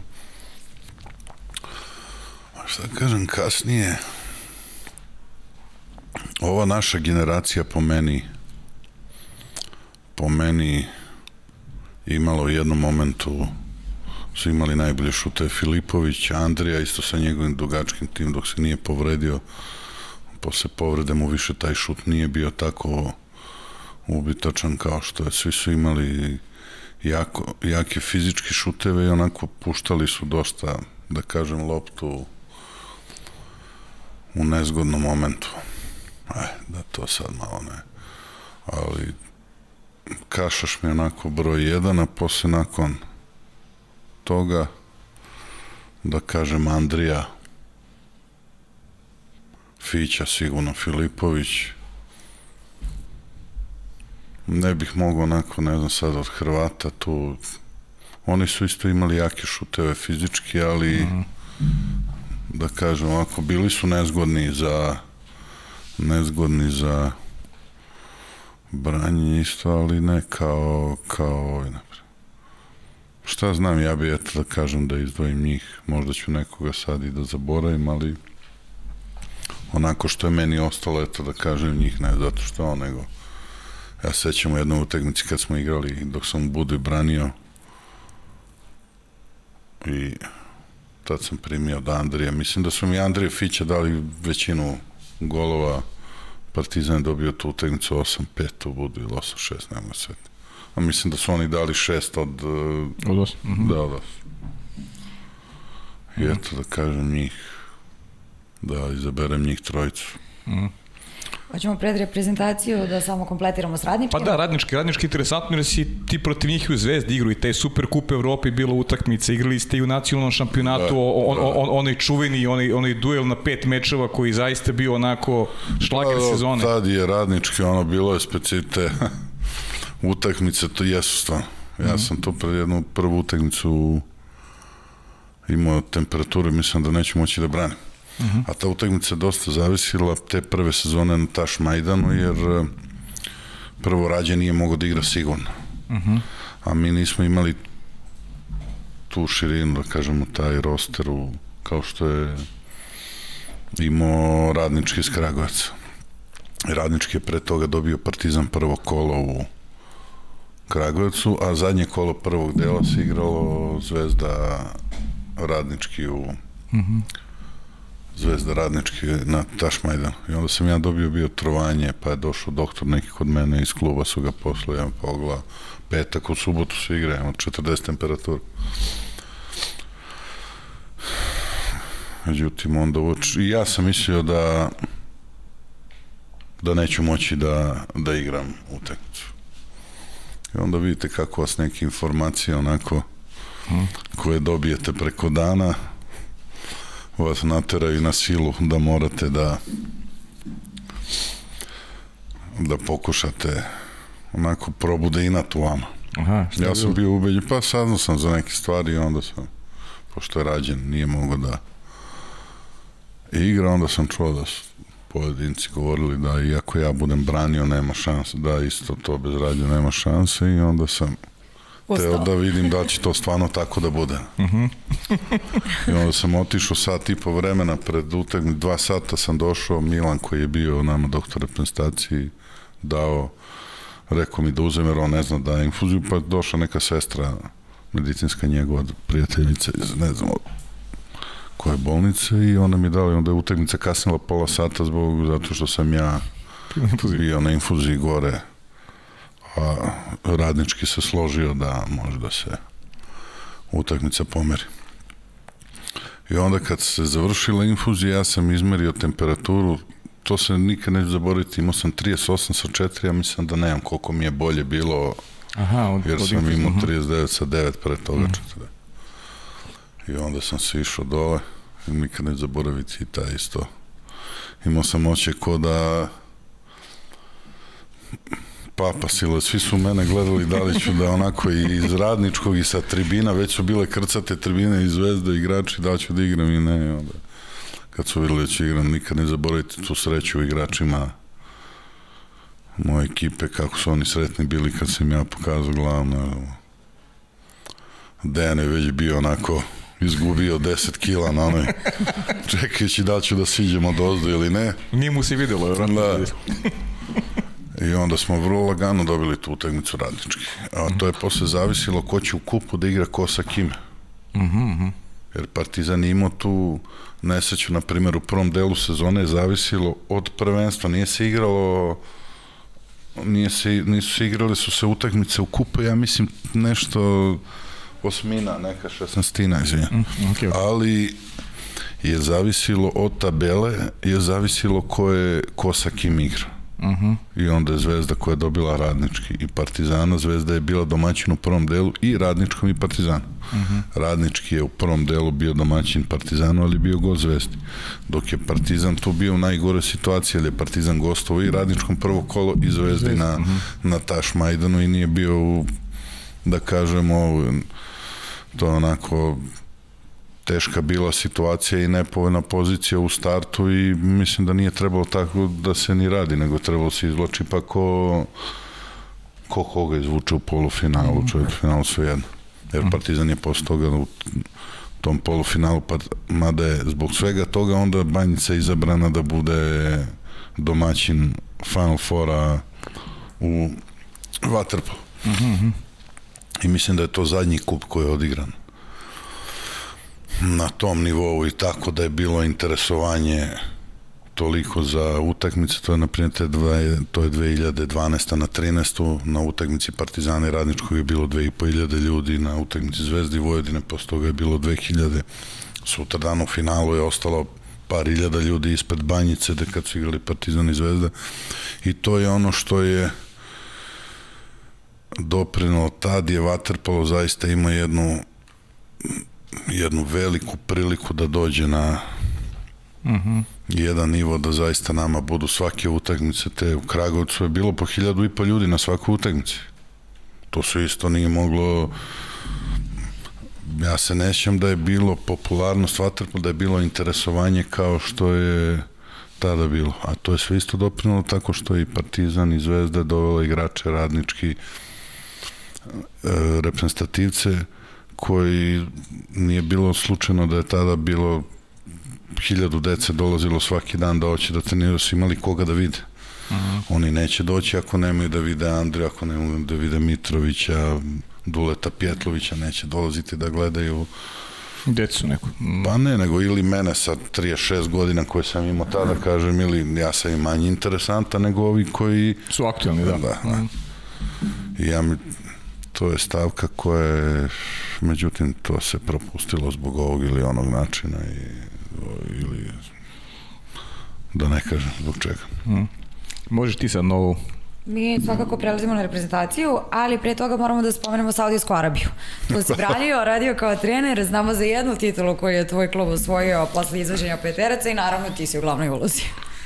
Da, to je. Ti si odbranio peterce i donao im tituli kao trener i igrač. Mm, Dobro, ja da, bio sam kao trener i igrač te sezone, da. sam ja bio godinu dana pre toga kad se igrala, ja, tad Jugoslav bio trener Vasović. Jeste, da. a kad se igralo se u Egiptu se igrale te arapske igre i onda to je njihov kao taj kup šampiona mm -hmm. za u Waterpolo. I onda nisam te godine sam došao, ja bio u, ra, u radnički iz da. Kragujevca, počeli su problemi odma i u vez finansijski, mm -hmm. tamo bilo. I onda me on pitao da li bi otišao, ja rekao naravno da bi. Znaš, da, I ovako tu ne, znaš, vidim da ima problema, razgovarali smo nešto, onda mi je on rekao da odem treba mes dana, da će on doći nakon mesec dana i da će on biti trener. I onda sam ja onako tu bio, na, da kažem, miran. Ta jedno dva mada je tamo jako, jako teško provoditi. to je, bo, malo morate kazniti sebe za to. Ima sve, a nema ništa u stvari. Da. Nema alkohola. Do početak. Nema viski. Ne. I tek kad smo došli u Kairo gde se igralo to uh -huh. finale, prvo veče smo odmah u hotelu ovaj gazda je gledao mene Jugoslav i boje se da ne propadne ovo sve to. I onda, kažem, igrali smo, prvo smo u grupi izgubili od tog Al, Al Nasra, razbili su nas nešto, 11, 4. Uh -huh. Uh -huh. Onda smo dobili ekipu koja je druga bila u Egiptu, mada mislim da su obe ekipe bile debelo bolje na, uh -huh. na sreću i onda smo u finalu opet dobili ekipu koja poklopi se mnogo toga čim vi izgubite od ekipe 11-4, a dobijete ih za 3 dana, znači da više su oni krivi nego što ste vi zasluženi. Koliko si peteraca branio to? A ne, to su peterci bili sledeće, sledeće godine. Sam branio, branio sam 2 od 4 bio sledeće godine. Uh -huh. Što su?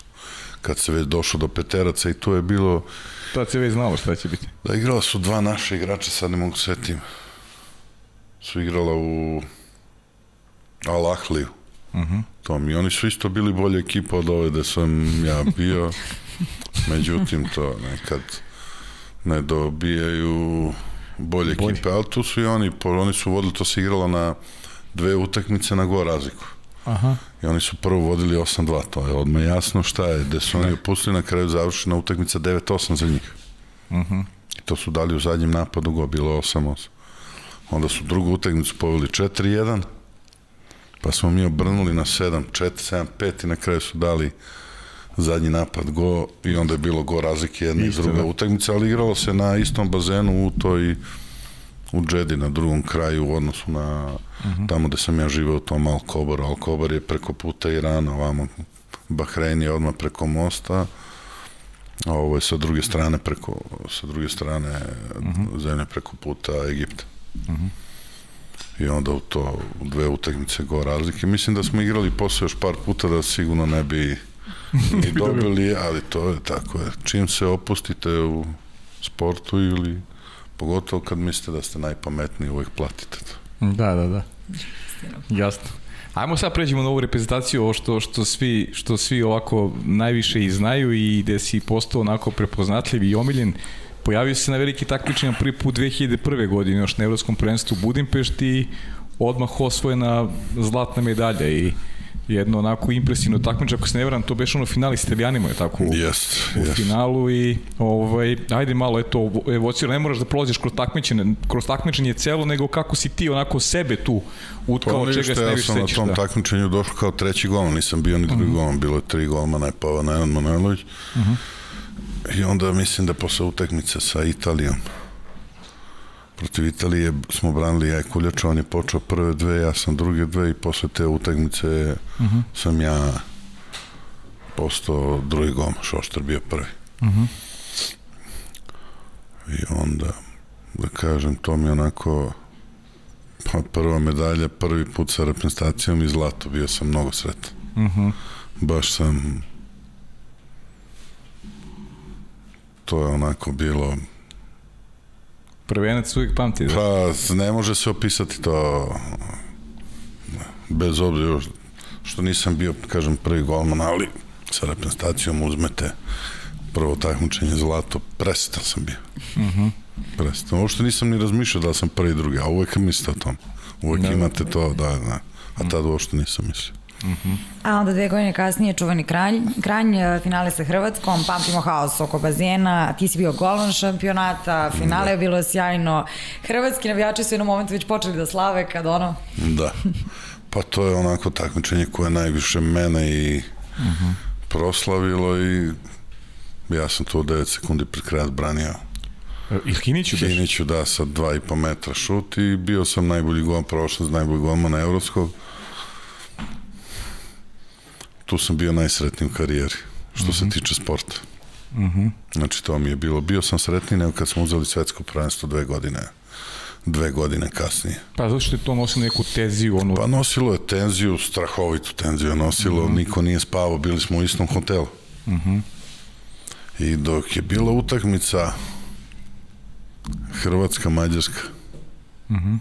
u polufinalu, mi smo gledali, što me ja onako iskreno nisam imao da bi više želeo jedne ili druge. Uh -huh. A se sećam da je cela ekipa malte navijala da Hrvati dobiju Mađare. Stvarno? Međutim, kako se bližio kraj, uh -huh. malo se spomenulo finale onako da ne bi bilo baš prijatno da izgubimo naš ovo ono, tako počeo se navijati za, za Mađare, pa nek izgubimo od njih u finalu, ali ne. E, onda je već bilo kasno, Hrvati dobili to polufinale. I oni su bili favoriti u odnosu na, na nas. Mi smo promenili par igrača, oni su onako imali ekipu isto pomešano, onako, iskustvo i mladost, ali su važili za blage favorite uh -huh. u odnosu na nas. A ti plašilo na onaj pogled na tribine? Pa ne, nisam. Ja sam uh -huh. to i dobio ono, jedini upaljač u glavu pred utakmicom, ništa nešto. Ja mislim da su oni dobili uh -huh. dobili vetar u leđa sa kad ima 5000 ljudi na tribinama, mi imamo našu porodicu, još neki ljude koji su došli iz Herceg su bili neki prijatelji naši, čak ja moj bivši saigrač iz Banja Luki, ne znam, koji malo ljudi došlo da, mm -hmm. koji su mogli da dođu. Da. I onako nismo, nismo delovali u startu utakmice, ali tako je bilo i s Mađarima u grupi, a sve što je odmicalo utakmica mi smo izgledali stabilnije i stabilnije. Onda smo u jednom momentu gubili, nažalost, sa 7-4 što je bilo i tad su oni što kažete vi već počeli da pale bakte na tribinama. Izgledalo je da ne možemo da da stignemo. Da neko nam je rekao čak da da nisu vodili da ko zna kako bi se utakmici završila. pa dobro to, kako, ko zna kako bi se završilo uopšte. Tad je Vosinović dao dva gola, 7, ja mislim 7-5, 7-6. Uh -huh mislim da smo izjednačili čak na 7-7, oni su poveli 8-7, 8-8, imali smo mi zadnjih 9 sekundi, ovo, mislim da je Šapić pogodio prečku bio. I onda u prožecima Šapić dao go za 9-8 da, i to mislim da je jedini go bio u prožecima i, i dobili smo. Mhm. -huh. I onda to, onda sreća neverovatna, međutim onda dolazi do onih problema na mhm. tribinama, gde jednostavno bila dosta onako nezgodna situacija kad njih ne, imali smo sreće što su ti igrači koji su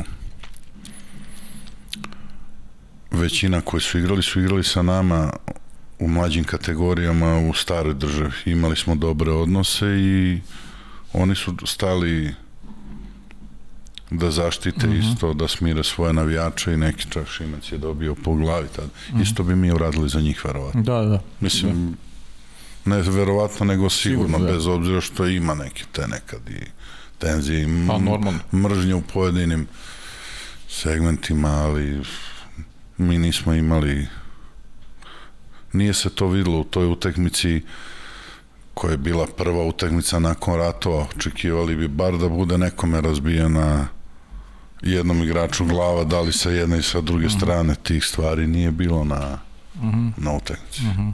Nije bilo, ja mislim, ni jednog jedinog udarca od njih prema nama i od nama I prema nje. To da se desilo, onda bi verovatno, bez obzira što smo bili u dobrim odnosima, vrlo dobre šanse bilo da dođe do opšte da, da iskalira sukob. Da. Mm. da. Eto, to je najdrža medalja, a zlatne medalje sa evropskih šampionata u tom slučaju zaključene su u Beogradu, je tako, 2006. Da. A tom prvenstvu prethodi referendum u Crnoj Da, Gori. da. Upisan si u istoriju kao deo tima koji je donao prvo zlato samostalnoj Srbiji. Da, da, mislim da tako je prvo zlato u kolektivnom sportu, sve, sve, da.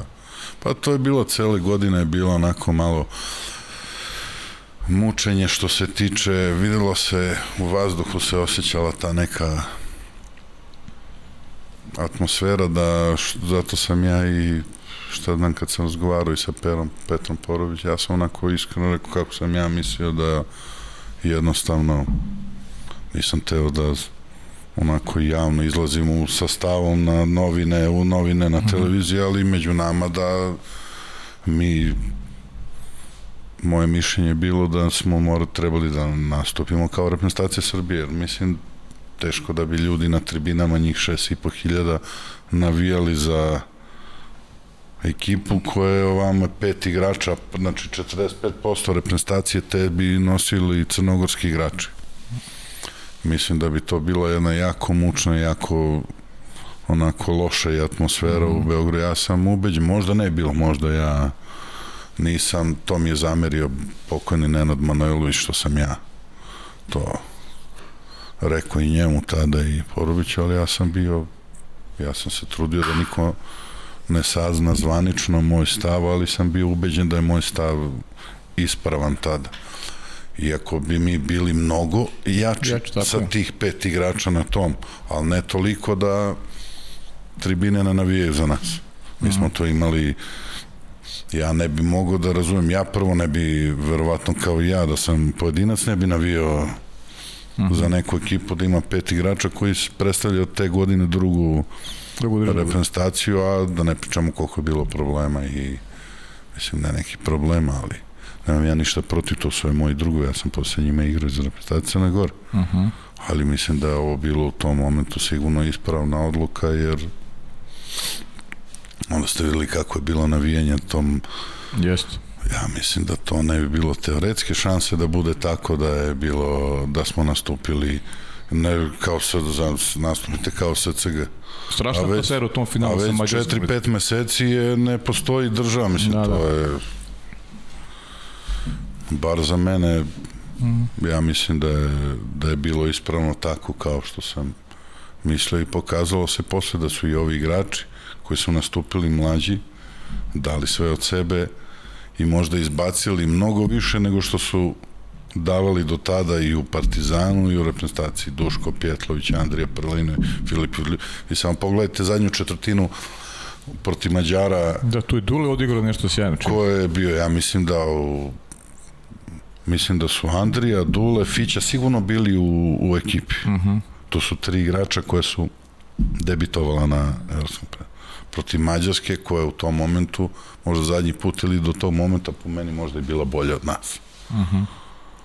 Ali smo mi samo zbog tog neko da kažem, sad ja sad ljudi se vuku za neki patriotizam stalno nešto ili i lažni, ali ja mislim da je to izvuklo što smo mi nastupili kao reprezentacija Srbije, da to izvuklo u tom momentu najbolje od svega od igrača koji su nastupili na tom evropskom prvenstvu. E, pomenuo si Nenu Manojlovića, ti si, ti si 2002. godine na tom svetskom kupu u Beogradu, e, apropo te, tog tvog stava koji još uvijek jasno iskazio, imao si tada, e, imao si tada unaki neki, neki sukob sa, sa, sa, sa Nenom Pa tad Manojlovićem. sam imao ozbiljan sukob, ali posle utakmice polufinala sa sa ovim uh, sa Mađarima. Mm -hmm. I svašta sam mu rekao bio, ali da ne pe oni Mislim, imali smo mi dobre i... I loš, da, loš da, ali čak sam tada očekivao posle toga da će mi reći da idem da uzem stvari mm -hmm. da idem, međutim on je meni rekao posle da ja branim sutra za za treće mesto sa italijanima. Mm. I onda sam ja još gori bio tada Mhm. nakon toga što mi je saopštio i onda on se okrenuo, otišao i ujutru me tada zvao da pričam, ali ja nisam bio raspoložen da Mhm. da razgovaram sa njima. Mada za neke te stvari tada koje sam ja nije mi on bio jedini krivac. Mhm. Ali nekad ne vidite Da, dve strane. Mm. Tek sam vremenom video posle da su još, da je bilo tu još mm -hmm. nekih volo bi da sam video ranije, ali Šta Gotovo, sada prošlo tako, vreme. Tako je, tako je. Hm? E, sad I moram isto kriviti sebe za neke stvari. Pa normalno, logično. Možda mi bude ceo svet kriv za svoje promaše. Jasno. Za ono što sam ja kriv, ja sam kriv. Jasno. E sad od svetke šampionata verujem da najviše pamtiš Montreal 2005. Zlatna medalja osvojena u velikom stilu. Mm, da. Taj Montreal je bio onako da kažemo sve je bilo uglavnom na našoj strani. Sem igre koje do polufinala smo imali onako jako loše. Mi smo počeli to, mi smo bili u Torontu na svetskoj ligi, tada je bila pred to mm -hmm. svetsko prvenstvo, da smo prvo kolo odmah izgubili od Grka. Pa smo onda gubili od Španaca, pa smo njih jedva dobili onako dosta, dosta smo se mučili, nismo imali, nije bilo igre, a bila je tenzija dosta, dosta velika koja nosi čim vi čim su rezultati negativni, onda dolazi do, do nervoze. I igrali smo onda u grupi, bila Kuba, ja mislim Amerika, mm -hmm. ne mu setim koja je bila treća. Kipa da li Japan, ne mu setim. I dosta smo onako imali laku grupu, ja sam zbog toga mislio da vrlo lako može nam se desiti da ispadnemo i ranije nego što smo mislili. Nismo imali adekvatnu utakmicu uopšte. Onda smo igrali to, ja mislim, četvr finale sa Rumunima, koje nas na velikim takmičenjima verovatno bila moja jedna od najgorih utakmica. A, da, to je. -hmm. Ali smo se i mi mučili, znači sve vreme loša, sve, ništa nije lično. I to, i onda polufinale sa Hrvatima, koje je preuzeo Ratko Rudić, koji su bili spremni kondiciono, fizički, besprekom, sigurno najspremnija ekipa na svetskom prvenstvu. A u Varaždinu dva meseca pre toga su nas dobili ja mislim nešto 11-4 na utakmici su nas razvalili. Međutim, ta utakmica nije imala veze sa ovim polom. I grad je bio krcat našim i njihovim navijačima. Znači, to nije moglo. Onda su naši navijači našli gde oni spavaju i celu noć se drali ispred njihovog hotela, to su nam rekli sutra A njihovi nisu saznali gde smo mi, ako i njihovi bilo dosta po gradu i oni straže, a nisu saznali gde smo mi bili. Međutim, naš hotel neki nije bio isto kao njihov, kako sam ja razumeo, možda grešim, on su imali, mi smo bili u nekom hotelu koji ima 34 spratova, čak i da smo gore, znaš, svi smo bili na 15-20 da se mm. derniju, mislim, ako ih ima dosta, verovatno, sigurno teško da bi spavali. Ali smo imali takvu podršku navijača kako nismo imali nigde. Tada, 2005. u mentoru. Nije bila utakmica ja mislim ni jedna jedina da nije bilo jedno hiljadu i po dve, dve i po hiljade naših mm. navijača, čak i sa Kubom, da ne pričam sa Rumu, nego onda u tom polufinalu, da kažem da je bilo jedno 60 40 ili 65, čak 35 nas u odnosu na Hrvata, ali je bila jedna fenomenalna atmosfera i stajali su u jednom komadu jedni do drugih na jednoj velikoj tribini i nije bilo problema, bilo je dobro navijenje I ja mislim da zbog te cele atmosfere da mi moramo mnogo da budemo zaslužni, e, zahvalni, izvinjam se, uh mhm. -huh. našim ljudima u Kanadi koji su imali zaista bez obzira na naš kvalitet nemerljivu ulogu u, u tom osvajanju svetskog uh mhm. -huh. prvenstva. Uh mhm. -huh. Jer prvi put kad smo izašli mi u finalu, ja se sećam, to je tad bilo, da nije bilo mađarskih zastava više od naših. Mm -hmm. Mm -hmm. A Mađar svaki ponese kod nas nisu imali, ali zaista u tom finalu od ne znam koliko, 6-7 milija, 5 hiljada bilo naših navijača. Mm. I to se može videti na snimku prvi put kad mi damo go, to se trese sve i ja bi se još jednom zahvalio sad i preko vas našim ljudima u Kanadi koji su u tolikom broju na svakoj utakmici dolazili mislim da nije bilo toga uz onu našu igru koju smo mi pokazivali da bi to bilo daleko od osvajanja svetskog prvenstva. Mm -hmm. Ovako ste imali vetar u leđa. Imali smo i strahovit vetar u leđa. Da. Mo samo kad vidite, to je zaista bilo kad osvojite tako, pogotovo u nekoj drugoj državi sa toliko vaših navijača, to je isto kao što 2002. kad je ušla uzela naša reprezentacija u Košaci u Americi da je bilo po 10.000 naših navijača, pitan da bi to tako bilo da nije bilo mm. Znate kako Amerikancima kad izađu u sobstvenoj državi pa vide na, da imaju oni 2000, a mi da imamo 10.000 ljudi. Ne? Yes.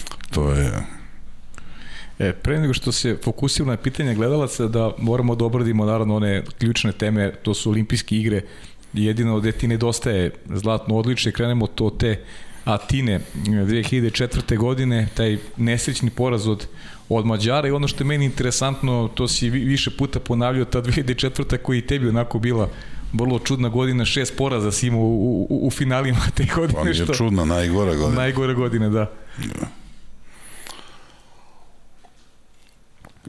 Šta znam? Kad pogledam, kad sagledam to, mi smo imali veliku želju, ali mislim i da je to možda bio naš plafon u tom momentu.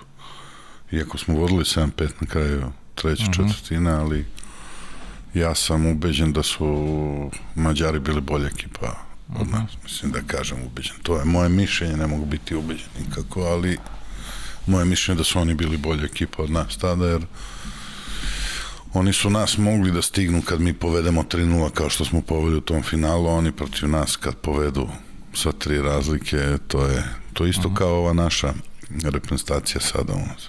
Uh -huh. 5-6 godina. Može da povede neko protiv nas i četiri razlike, ali nije sigurno. A mi kad povedemo dva razlike, to je gotovo utakmica.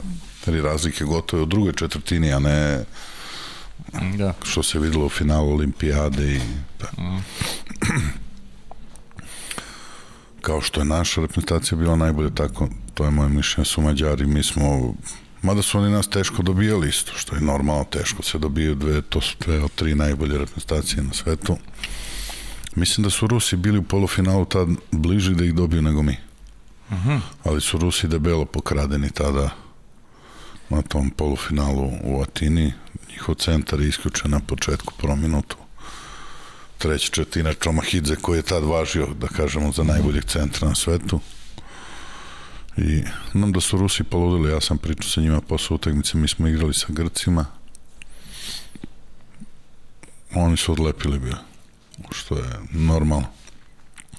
To je onako da kažem da sam video E sad malo ću da Neke stvari neću reći. Dobro, dobro, dobro. Okay. Ali mislim da je to finale nama bio plafon tada. Da je mhm. bilo, mogli smo da kažem, i da dobijemo. Mi smo jedva dobili Špance u četvrfinalu na jednoj onako utakmici dosta tvrdoj kao što je bilo sa Špancima ove tvrde utakmice. U grupi smo u grupi smo imali Mađare prvo kolo, vodili smo prvo 1-0, pa oni 3, pa mi 4, na kraju su nas dobili 6-4. Drugo kolo je sa Rusima bilo naj onako utegnica koja mi je ostala onako u sećanju gde smo dobili 4-3, a to je tako teška utakmica bila da sam rezultat govori koliko je Bili su Kazahstanci koji, na primer, reprezentacija Kazahstana, da vam uporedim danas, možda jača nego sad današnja reprezentacija Rusije. Bivši mhm. -huh. igrači, Hrvatska, da ne pri... Hrvatska nije prošla ni grupu. Da, sveći se, da. Mhm. -huh. Hrvatska nije prošla, Amerika je dobila Hrvatsku, Amerika je završila sad se ja ne mogu setiti da li Amerika četvrta završila, Mađari prvi, mi drugi u grupi, Rusi treći mi smo imali tu više utakmica da ispademo zadnje kolo sa Amerikancima je bilo ako izgubimo mi smo četvrti onda i ne idemo ni u četvrtfinal mm. ali mislim da ono to je ta olimpijada onako bila možda i najjača koju ja pamtim sad ta ovamo nisam igrao u, u ome u u Sidneju, u Atlanti, ali ta olimpijada je baš bila onako Italijani koji su važili za jednog favorita. Mi smo pre toga na svetskoj ligi u Long Beachu igrali finale s Mađarima da smo izgubili četiri razlike, nešto tako. Uh -huh. Još sam ja odbranio dva peterca, dva četverca, su bili četver, u dva četverca koje sam odbranio, mi smo izgubili četiri razlike. Ali oni čim se odvoje od nas dva gola, tri pogotovo, to su gotove utakmice bilo. Hmm. Međutim, u tom finalu olimpijade, kad smo mi poveli 3-0, oni su imali suđenje kako mi nikad nismo imali kad oni povedu te razlike, jer onda sudije puste da oni nas oderu ako mogu, Uh -huh. a ovde su njih vraćali. Oni su odmah dobili dva igrača više na prvom napadu na 3-0, pa onda PT, četverac i tako. Tako da u tom segmentu i sudije i svi su volili više njih da vide na tronu nego nas. Uh -huh. A I to je sigurno istina. Da. A šta je bilo četiri godine kasnije? I, i tad se očekivalo veliko očekivaju oni nesrećni poraz od Amerikanaca? Ah, na toj olimpijadi je mnogo sam ja imao odnosi sa ja sam ušao na toj utakmici polufinala sa ne baš previše komentari su tu olimpijadu 2008. godine, tu je Da, bili oni, oni sukob sa Šapićem, da. Da, to sukoba ovo je bilo tad, je eskaliralo. Da, eskaliralo, da. A ovo, to je, mislim, da vam kaže jednu stvar, mi da smo bili tada normalna ekipa. Sad u smislu reći, atmosfere, je to? Ne, ne, u smislu i posle toga kad se desilo. Uh mhm. -huh. Mi bi sakrili to. Uh Mhm. -huh. Ako me ja, razumem. ja razumem, da. Ja sam trebao da se vratim avionom sam, ja sam pristao odmah, međutim, mnogi su zvali i javljali odmah šta se... Šta se dogodilo? Tako je. I to on govori sve. A nismo javili ja i Šapić šta se dogodilo. Tako je. Nego javio neko drugi. Mm. I to vam onda govori da vi ne zaslužujete da uzmete ono što možda mm. želite. Mm. Jasno, da razumeli. Mm. Neke stvari ne zaslužite u životu. Dobro, ali ti i Šapić ti izgledali odnosi, tako to je? Da, mislim. Ali vrlo brzo nakon toga odmah bila je konferencija za novinare gde smo bili tad smo prošlo 13 godina od tada prošlo. Znaš kako je rekao Šapić tu kada je sedao? Kaže, bilo je mnogo ozbiljnijih sukoba ovaj, za koje se ne zna. Pa, da. Često smo se često smo se sukobljavali s time što mi on posle na kraju bio pravo za neke stvari kad mi je rekao da ja sam se zbog drugih sukobljavao sa njim. Uglavnom, tad je bilo jedino zbog nas dvojice što je bio. Uh -huh. I on je bio u pravu da ja to nisam trebao da radim, što sam ja posle video da je ta istina bila, da je to što mi rekao je uh -huh. bio u pravu. Uh -huh. Kasnije sam video da sam ja trebao druge da puštam da sami rešavaju svoje stvari sa njim. Uh -huh. E, a sad, ostavili smo za kraj ovaj, tu 2010. godinu kad si počeo braniš za Crnu Goru. I... E, ja bih pre toga da postavimo jedno pitanje. E, može, bravo, izvini. Ajde, ajde, ajde, izvini. Pozdrav svima u studiju, pozdrav posebno naravno Denisu. Evo opet je došao moj red da postavim neko pitanje, nisam dugo. Hvala ti Pajo na, na toj časti koju mi svako malo ovaj, napraviš. Denis je opšte poznat, ne znam koliko to zna sportska vaterpola javnost po prepričavanju svojih doživljaja i dogodovština koji su mu se dešavale, mada ne samo njemu i drugima, a onda se one prenose dalje i prepričavaju, a nekada ih i on ponavlja po više puta i svaki put budu jednako interesantni i zanimljive. Ovaj put bi od Denisa tražio da a, ispriča nešto drugo, a to je da kaže nešto nadimcima koje je pravio i koji je dodeljivao mnogim svojim suigračima među kojima sam i ja. Pa neka nabroji neki od, od tih imena i za koje, za koje igrače su bili namenjeni. Eto toliko. Ćao svima. Eto, pozdrav za Sora. A, svima sam dao nadim. pa kako si njega zvao? A? Kako si njega zvao? Pa, dao sam nešto. O, Soro. Da, o, Soro. Šura i tako, ne. A dao sam svima nadimke, svi imaju po nadimak neki, ali... Ko je Šura? Ko je Šura? Sora. Sora. A, Sora, da. Šura, aha. Svima, dao sam i po više nadimaka. Tako da, svako ima po neki nadimak. Čekaj, Jugoslav ima neki nadimak? Ima. Koji će kažeš? A? Koji? A ne bi to... Ne bi to u javnosti. Pa ne to, nego ne bi ukapirali ljudi. to, je, da, Da, da, da, da.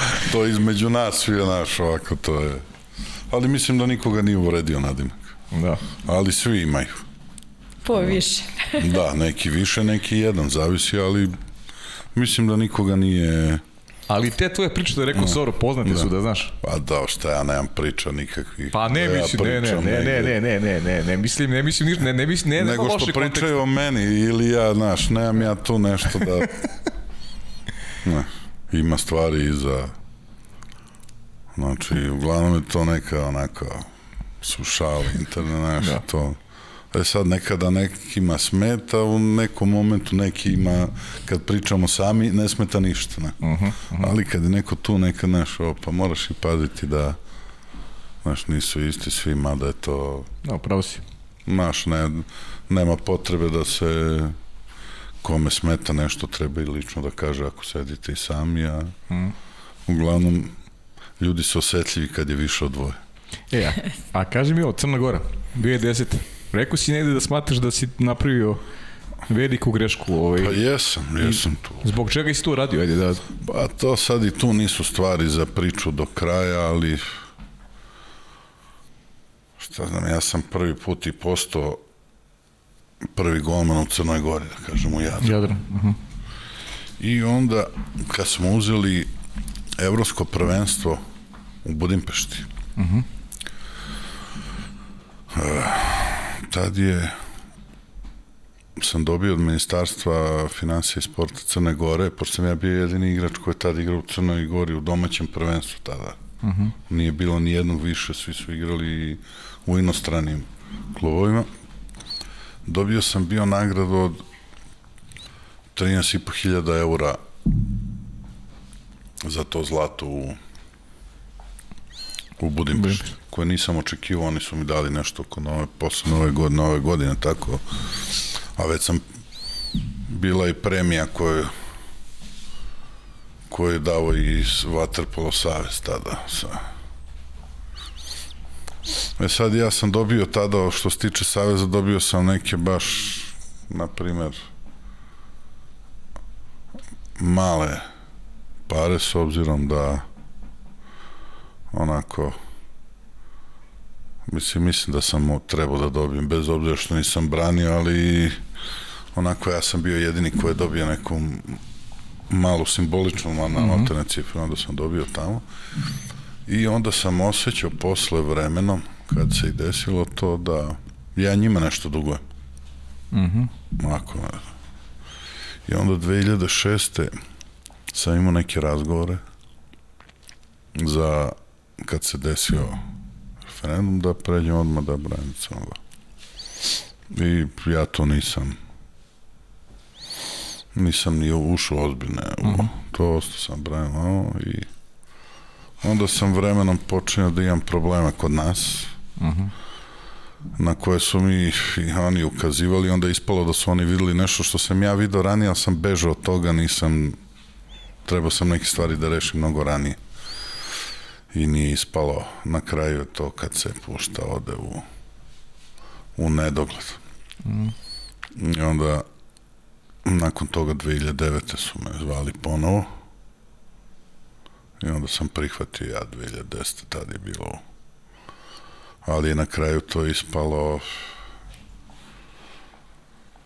to nisu bile ni blizu onako kao kad sam ja 2006. što sam dobio verovatno ponudu, ovo je bilo nešto sasvim sasvim drugo i na kraju stvari kako su se razvijale samo sam još ispalo da sam degradirao sebe kroz karijeru zbog toga.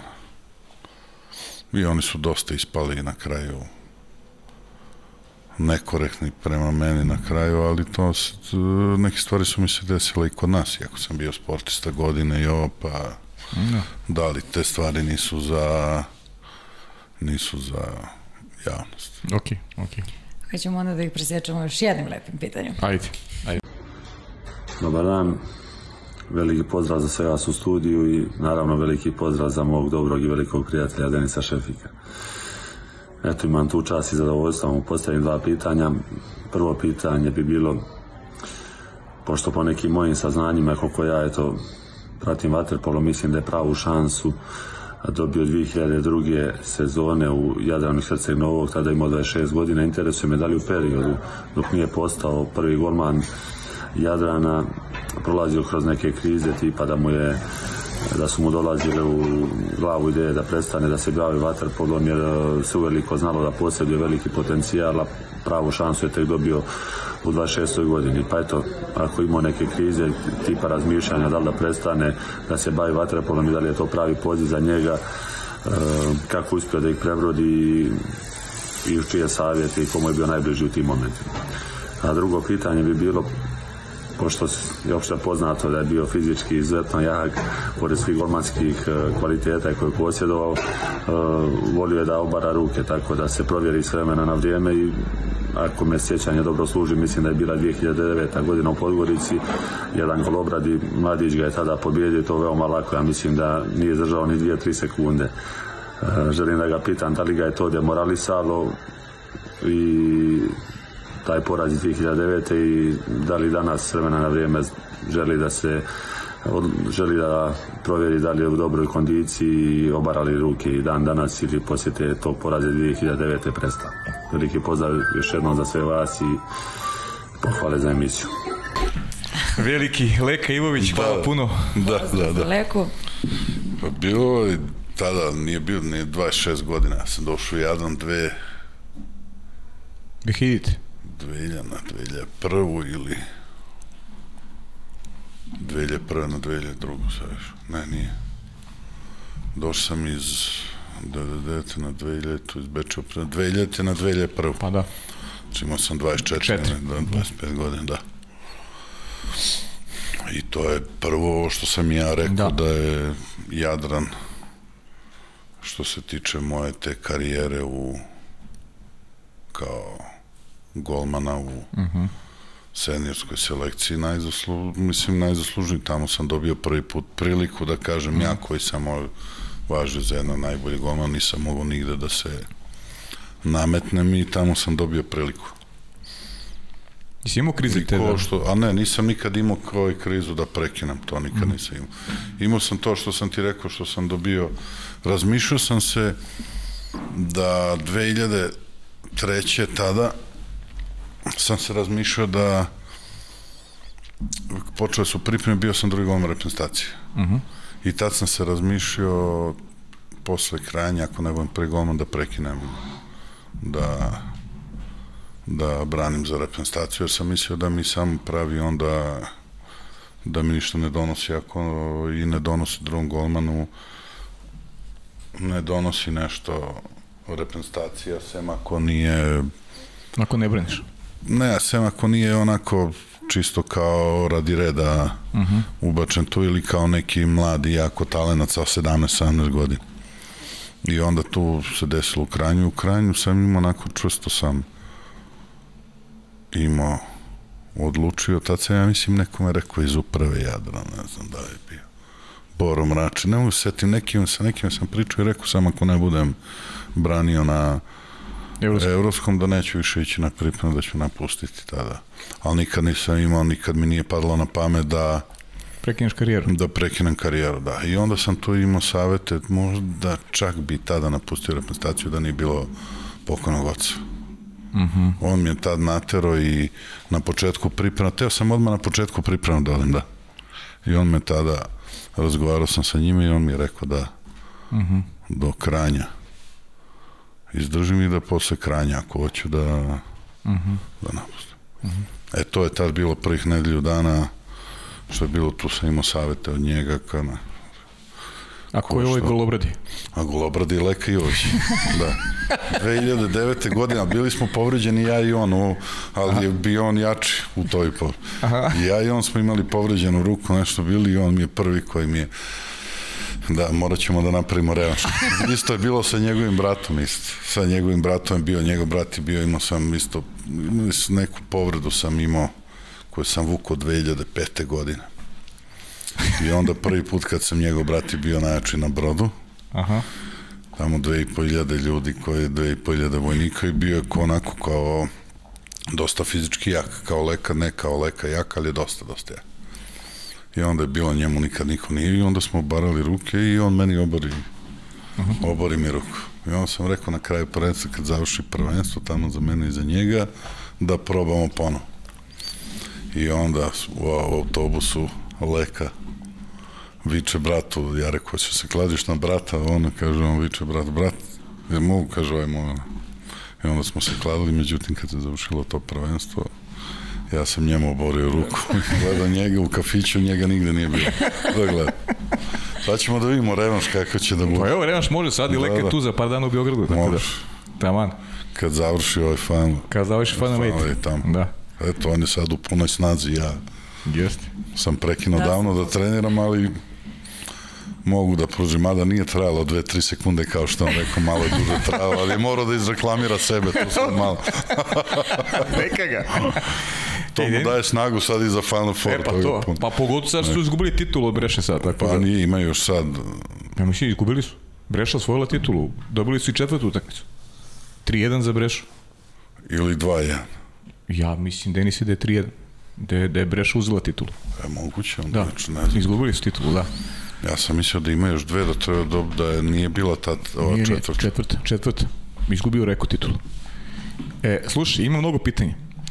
Da budemo koncizni sada za, za svojim pitanjima i ne znam, može okrenemo, ćeš ti Marina da kreneš, a? Evo ja gledam, tražim po telefonu ova Instagram pitanja, dobili smo ih milion, da znaš, da se spremiš. Da, Ajde, pa kreni ti. Ajde, ja, ja, ja mogu odmah ti pitan da se nadovežem, Dejan te pita da li je tačno si imao ponudu reka i zašto nisi prihvatio, ali ajde da budemo ono koncizni.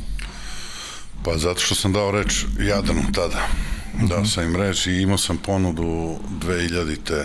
godine, bio sam na razgovoru sa i Kodinovićem i on je tad imao iskrenu želju, sećam se tada da ja dođem i naljutio se na mene što nisam, on je stvarno učinio sve tada, pošto je on mhm. tada išao i u Vasinović, on je tada stvarno se polomio, mogu da kažem, i možda se s pravom naljutio, ali tu bi najviše možda ja trebao da se naljutim sam na sebe, tu sam ja sebi napravio najveću, najveću štetu. Mhm. Mada je Jadran do te godine i ovo bio korektan korektan prema meni, ali posle naravno svuda se dešavalo da vrlo brzo zaborave neke stvari nekad. Mm -hmm. Najbolji golman, najbolji igrač svih vremena. Deni Šefik. A ne, najbolji golman. Pa ne znam, golmana sam toliko gledao, ali da kažem, eto, zato što je bio i dobar i Roljan, španski golman koji je pokojni, pa da iz poštovanja prema njemu, jer je nažalost nastradao uh -huh. onako kako ne bi trebalo da eto, ali je bio isto strašan golman tu mnogo je dobri golmana bio uh -huh. baš mnogo da ispominjem Krivokapić, Šoštar Soro Dana ovaj, Hrvat Pavić e, šta nam Roljan isto mnogo, mnogo sad neke da ne zaboravim, a da, uh -huh. da ne kažem nije, ne, ne bi ispao korektno. Uh -huh. Jovana Pantović, vaterpoliskinja Vojvodine, čestitemo još jednom Vojvodina na tituli prvaka, žima jedna priča, ne zna da li istina. Kaže, da li je volao pred utakmicu da uzme Snickers i Coca-Cola? Pa, Coca-Cola da. Mm -hmm. Snickers kad sam bio mlađi. znači istina je, dobro. Da. Da li je istina da kad je potpisivao za Budu u ugovoru je stajalo da mora dva puta nedeljno u bazen? Ne. Sandi Martelj, bivši petiva Slovenije, kaže pozdrav u studiju, veliki pozdrav Denisu, jednom od najboljih gomana svih vremena, prava legenda našeg sporta. Kaže, prvo me zanima kako si održavao formu, jer si uvijek bio u super formi, a pričalo se da ne treniraš, da ne treniraš mnogo, a po izgledu su bi jači i spremniji od skoro svih igrača. Pa dobro, to je, nekad vam idu svakome manu možda nađete, a Aha. kad sami date povod za neke stvari, onda kad krenu Možda sam ja trebao neke stvari da prekinem odmah, meni je bilo simpatično, pa sam pustio, međutim, to je posle malo uvotilo. Uzelo maha, da. Uzelo maha i onda su oni koji su nisu bili sigurni u sebe, sumnjali u sebe, onda oni uvek komentarišu uh mhm. -huh. nekoga drugog da bi sa sebe sklonili svoje nedostatke. okay. A to ne može sve. Koliko je Max dizao iz benča, čučnje i mrtvog dizanja? Ko? Koliko si dizao maksimalno, maksimalno iz benča, čučnje i mrtvog dizanja? Pa ne znam, nisam radio mrtvo dizanja i čučanja, uglavnom sa malim težinama zbog leđa i zbog kičme, a šta znam, u bendu sam najviše 160 kila digo, to je. Nikad nisam preko toga ni pokušao, ali A, kad je prošao poslednji put tiket za lepe pare? Kad su marke bile još. Davno beše onda, Denis. Kaže, trener ili saigrač s koga si najviše naučio? Pa kažem da možda od saigrača da sam najviše naučio, bez obzira što je bio mnogo mlađi od mene, to je Andrija.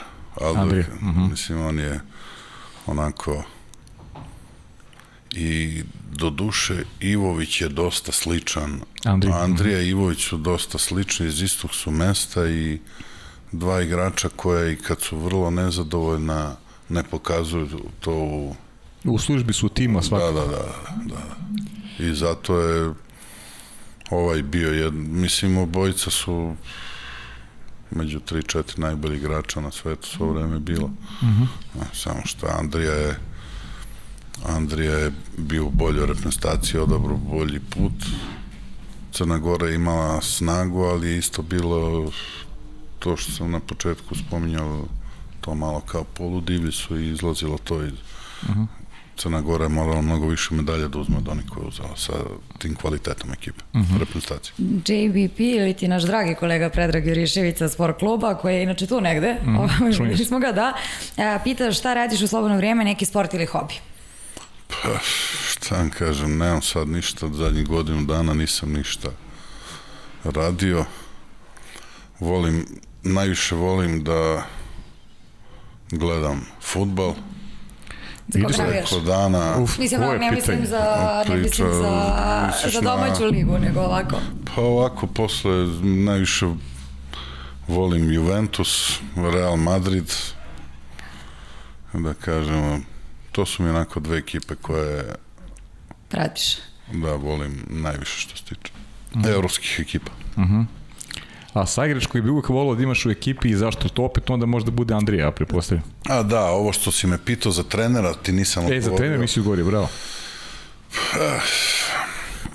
Znaš kako, nešto malo što sam video kad sam bio klinac, tad je u Bečeju, činilo mi se da Nikola Stamenić ja sam jako kratko bio tada na pripremnoj reprezentaciji, ali bez obzira što nisam činilo mi se da on ima po onome načinu rada mi se činilo da on ima neko najbolje znanje da formira, mm -hmm. da mhm. napravi igrača, ne znam, ne znam kako biti za to kratko vreme. Sad svi nose nešto, svako nosi neki svoj kvalitet. Nena je bio, na primer, veliki radnik, Nena da je mogo radio bi da mogu da izdrže igrači isto kao Nikola po 10 sati, dnevno 12 da budemo ubad naš.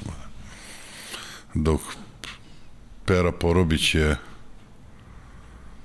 naučio od Bate Orlića ono za mm -hmm. utakmicu da spremi da spremi ekipu za utakmicu je on bio na primer Uh -huh. Znači on će sve da pripremi, ali Pe, Pera Porović je nasledio od Bata Orlića ono drugo, da kad se desi nešto nikad on nije kriv, nego su svi drugi krivi. Ne znam.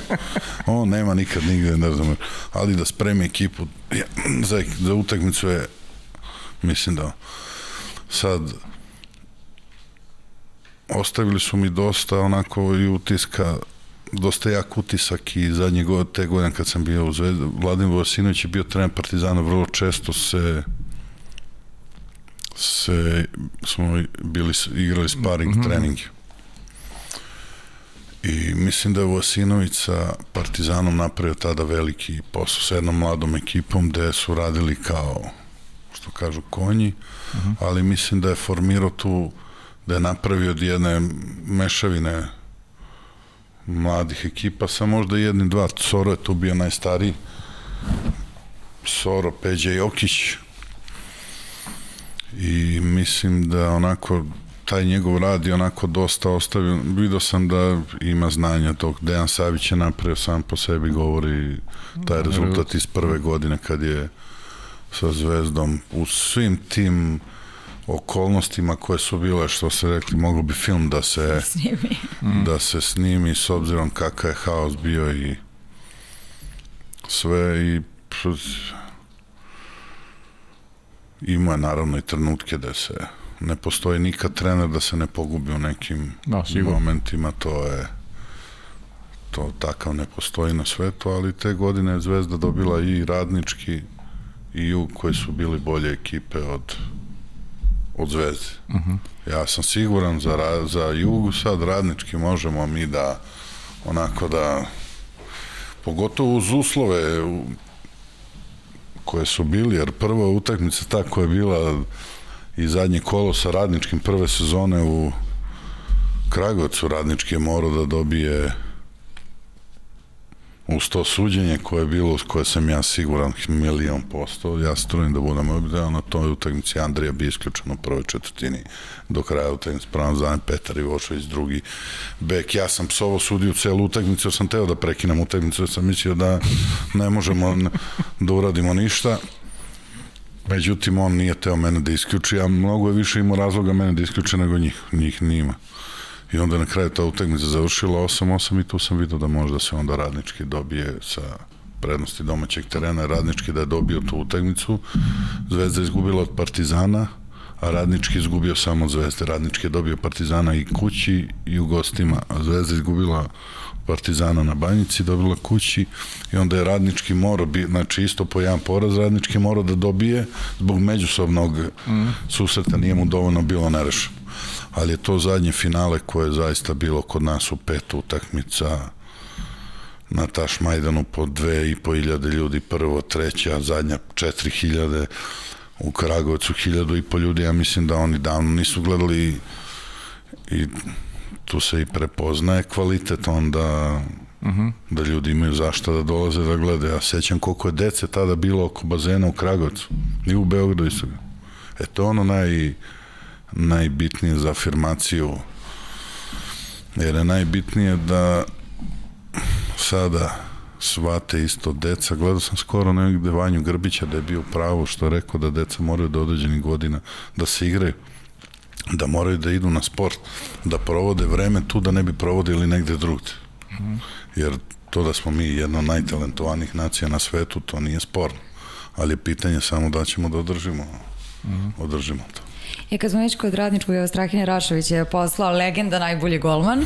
To smo dobili od toliko, toliko gledalaca i pohvale i pozdrav za ljudinu i najvećeg vaterpolisa, najvećeg golmana i sada ne čitam sve, nemamo toliko vremena. Evo, zanima me kako se kao golman pripremiti mentalno pred utakmicu i da li si imao ponude da nastaviš vaterpolo Americi? Ne, nisam imao ponude za Ameriku da nastavim. Pa, golmanu je najbitnije da ima to samopouzdanje. Tu, to je moje neko mišljenje da oni koji brane na instinkt da su najbolji golmani. U tu da ima najviše šuteva, rukomet, vaterpolo, da ima dosta šuta, golman mora da ima samopouzdanje da bi i kad primi nekad ja sam i savjetovao golmane neki koje su bile nikad u životu nadam se ne da sam bio ljubomoran na nekoga volao bi da mogu da napravim nekog golmana da bude sad posle mene da kaže on je šef je radio sa mnom ja sam zbog toga to bi volao isto da mogu da i vidjet ću da radim na tome sada dok sam u Partizanu pa ono sam radio u Šapcu sa golmanom Filipovićem koji je jedan isto talentovan golman, ali nažalost danas više nema, nema ni jedan jedini tren za golman. Uh -huh. e. Ima to što je ostalo je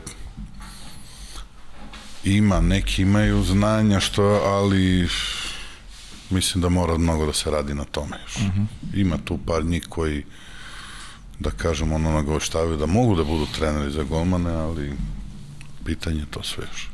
Kaže, šta piješ na proslavama i s kim se najviše danas družiš od vaterpolista? Pa šta znam, družim se ne družim se sa nikime ono posebno Aha, nemaš intenzivno previše sa, šta znam, sa Jugoslavnom sa Dejanom uh -huh. ne viđam se ono sad, na primjer, sa Kuljačom se nisam vidio kako smo ono, Partizanu isto viđamo se često, uh -huh. ali u klubu to je da, jasno to je, znači rad naš u klubu zajednički, a ovo ostalo šta znam Andrija kad dođe on me zove pa se viđem da kažem da sam se sa njime najčešće viđao bez obzira što je uh -huh. što je on sada je očekam da počne ovaj Liga, Liga šampiona. Da, šampiona, pa da vidim i neki još i tako. Uh -huh.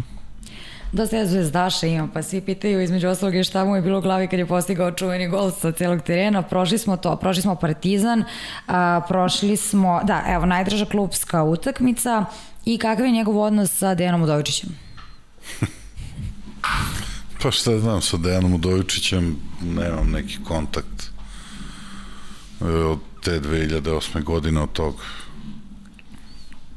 te olimpijade, nećam se da smo se mi videli par puta, mislim ono slučajno nemamo, uh -huh. nemamo kontakt neki, tada dok je bio trener on u Kragujevcu, možda smo tad progovorili neke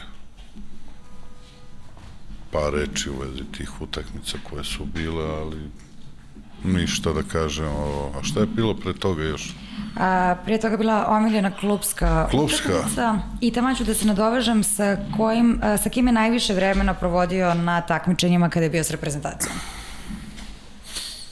Pa šta znam, kad sam bio takmičenje prvi par godina, ono bio sam sa kuljačom u sobi i na olimpijadi tada 2004. najviše sam tu prodio, ono šta mislim u tom olimpijskom selu, uglavnom je, ono, igrali smo karte u isto, to isto smo zgradi svi, onda da kažem ono da sam sa njime bio u sobi, sećam se tada da sam sa njime izlo, od, odlazio na te, na doručak, ručak, večeru. To nam je falilo malo te zajedničke neke energije da idemo svi mm -hmm. zajedno. Tu sam počeo da sumnjam, tu sam počeo da vidim neke stvari, tad sam, sećam se, pričao sam sa Željkom Obradovićem. On je bio selektor. Greški, Da, i mnogo sam stvari naučio od njega što se tiče u kratkim crtama kako on znao da, da objasni neke stvari. I onda vidim da, boga mi, ti treneri, pošto sam upoznao i Radonjića koji je sad trener Zvezde Duška Vujošovića, naravno vidim da treneri u košaci imaju zavidno iskustvo i znanje. Mhm. Uh -huh koja je na dosta, dosta visokom nivou. Mnoge stvari nikad nisam čuo što se tiče na što misliš? Na, na ne košakaško suvo znanje, nego ne, na... nego na generalno koje da. znači za sve sportove. Da. Zato kažem, nikad nisam Kako čuo... Kako se kreira ambijent, e, tako, odnosi... Nikad nisam čuo od uh, naših vaterpolo trenera neke stvari koje sam čuo od nekih košaških trenera. Uh mhm, -huh. A mislim da to da su neke stvari apsolutno za sve, za sve sportove pogotovo u vezi atmosfere i načina funkcionisanja da, nas da. Un, unutar, unutar mm. ekipe i kažem to sećam kad je bila ta olimpijada 2004. Samo mi jednu stvar rekao Željko Obradović tada pošto smo bili u Menci. On je bio nervozan jer je ekipa u košaci ispala u grupi. Da, u grupi. I onda on pokazao, kaže, evo viš, Argentinci u košaci idu svi zajedno na doručak, ručak već. Mađari u Waterpolu, Hrvati u rukometu i nije slučajno onda posle toga da su svi uzeli zlata na tim takmičenju. Mm. Ovo, bar što se tiče nas, išlo po dvoje, troje, neka četvora, najviše. Ako odemo, znaš, zajedno, nećam se da smo jednom svi zajedno otišli na, no, interesantno, na da. ručak, mm. na, na večer. Mm. Nemamo više mnogo vremena, ali imam još evo pitanje, da li, ste, da li si još uvek zaljubljeni kao automobile I da li si se u finalu Kupa šampiona toliko umorio da ti pao šećer u posljednjoj četvrtini? Mm, da. Nije mi pao šećer, nego me uvotio uvotio grčom, to je verovatno možda posledica, posledica toga. Da, da jeste u finalu Kupa šampiona, zadnje tri minuta mi je uh -huh. vato me grč svako malo u, u nozi kad je oni imaju, kad su imali, kad Jug imao napad. A, automobili? Da, sad se upravo spremam da kupim jedan auto, pa ćemo da vidimo da li će biti dovoljno brzo.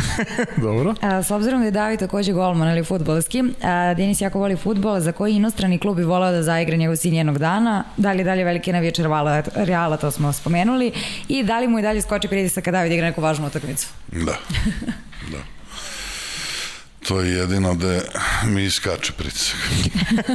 Kad gledam njega na utakmici, pa dobro, mislim, to ja sad gledam na njegovim utakmicama se jedino tresem, na mojim se ne sjećam uopšte da...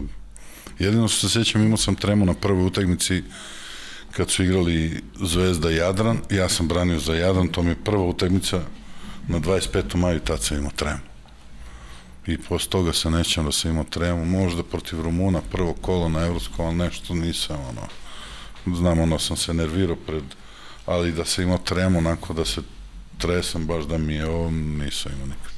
A kad gledam sina, moram, nekad moraju da se piju tablete za smirenje. Hoće da pravim za partizan jedan dan? Pa nadam se. Dobro. A, mnogi vaterpolisti i aktivni i oni u penziji imaju parolu da ne vole vodu, da ne ulaze u bazen ili more, a on je svoje vremeno izjavio da uživa sa svojom decom u bazenu svog porodičnog doma. Da li dalje voli vodu ili se nešto promenilo? Da, naravno. Imamo to. Čekaj da vidim da li... Mislim da smo manje više sve kroz već naš razgovor. Da li se više plaže utakmice sa Barcelonetom nego finala? Pa da, to je rekao da, Da, da, to je smo bilo, rekli, jeste. da je bilo teška, teška. Pa da, to jeste, to nisam postio, to, to sam izjavio bio da Aha, ta utakmica, jesam, bojao sam se više te utakmice. aha, jesi. Zato što je Barceloneta dobijala sve lagano, sve ekipe do tada brzo su igrali to, a mi smo bili onako malo teška ekipa, mlada, ali nije, brzina nam nije bila glavna karakteristika. Ja, kaži mi, koji ti, verujem da ti prija, što je, eto, 43 sagovornika pre tebe smo imali ovde i i manje više da su da je većina kada su kada smo ih pitali za najbolje golmana sveta post, svih vremena apostrofirala tebe. Ili ti, ili ti Pa, naravno. verujem da, da su ti to najlepše priznanje kad dolaze, a zaista je bilo ovde mnogo velikih velikih igrača kroz generacije koji su koji su onako beležili istoriju ovog sporta. Pa drago mi je, naravno. I to, a i dobili smo poruke i od Zvezdaša, i od Partizanovaca, i, i jedni i drugi te hvale i Jako vole. si veliki grobar ujedinio si ovaj, iz Zvezdaša i Partizana. Da, neko je Ne, napisao to ne najviše- može se ujediniti. Je li ima toliko ove komentare i najveći zvezdaš među grobarima i pohvala i ja ne znam stvarno da ne čitam sad sve, ali i jedne i drugi si zaista ujedinio. Barem kod nas sada. A čekaj, sad nisi mi rekao čerka Nina, jel ona ima, ima I ona je gimnastika, ali tako? Nije ona je trenirala do pre par godina, ali je prekinula. Mislim da bi bila odličan gimnastičar, ali je završila karijeru? prekinula. Da. Mislim da bi ona bila dobra šta god isto da se bavila bilo kojim sportom, ali je prekinula. A tatina me zimica, pošto je devojčica. pa da. Ništa, mi za kraj uvek ostavimo porodicu, jer bez porodice ništa, tako da evo pozdravljamo tako je. ih ovim putem. I šta drugo da ti kažem, sem da ti pitam kako ti se sada čini? Pitala sam te na početku kako se osjećaš u studiju, kako ti se sada čini intervju? Odlično. Sve kako treba. Ja sam tu uvek na raspolaganju. To, to mi je drago da čujem da Kako se god da su pitanje. Jedino što nismo još, nismo, nismo Nešu, ovaj, a, mislim da je Pa Neša utkao sebi i, u, i Pa generalno u otac Jeste, je, da. sigurno da ja ne bi bio to što sam bio da nije bilo njega. Mm. Jer ono što sam savete dobio od njega, nisam mogao nigde vi savete možete da dobijete, ja to spominjem uglavnom sinovima od mojih prijatelja, uglavnom kroz uh, život je jedino porodica sigurno. Sigurno. Svi saigrači sa kojima sam igrao mogu da mi daju savjet iz ove iz one namere, a jedino porodica možda pogreši iz dobre namere ako i pogreši. Mm. Zato je uvek taj savjet porodični, ljudi treba se drže toga i odatle da crpe, da vuku snagu i sve. To je to, najbolja poruka. Hvala ti, Denise. Šta da kažemo, pa je, ugostili, smo- ugostili smo stvarno nego najboljih svih vremena. Nismo stigli sva pitanja gledalaca da Pa pošle. ostavljamo nešto za drugi put. Mislim, ja mogu samo za- poželim Denisu da ostane svoj kao što uvijek je bio i da se drži nekog svog pravca i da ovaj, ovaj pomogne i Partizanu da se vrati na neke puteve Pa stare slave. trudit ćemo se to sad je Partizan u najgore situaciji. Mislim, ide ona na bolje, ali treba će vremena još. Okej. Ništa, šta da vam kažem, nadam se da ćete uživati u intervju sa Denisom Ševikom, šaljite nam komentare i čekajte sledeći četvrtak, tako? Baš tako. Verovatno će biti neko od aktera ovog velikog finala koji se igra u prvenstvu Srbije, ali o tom potom. Hvala vam na pažnji i prijetno.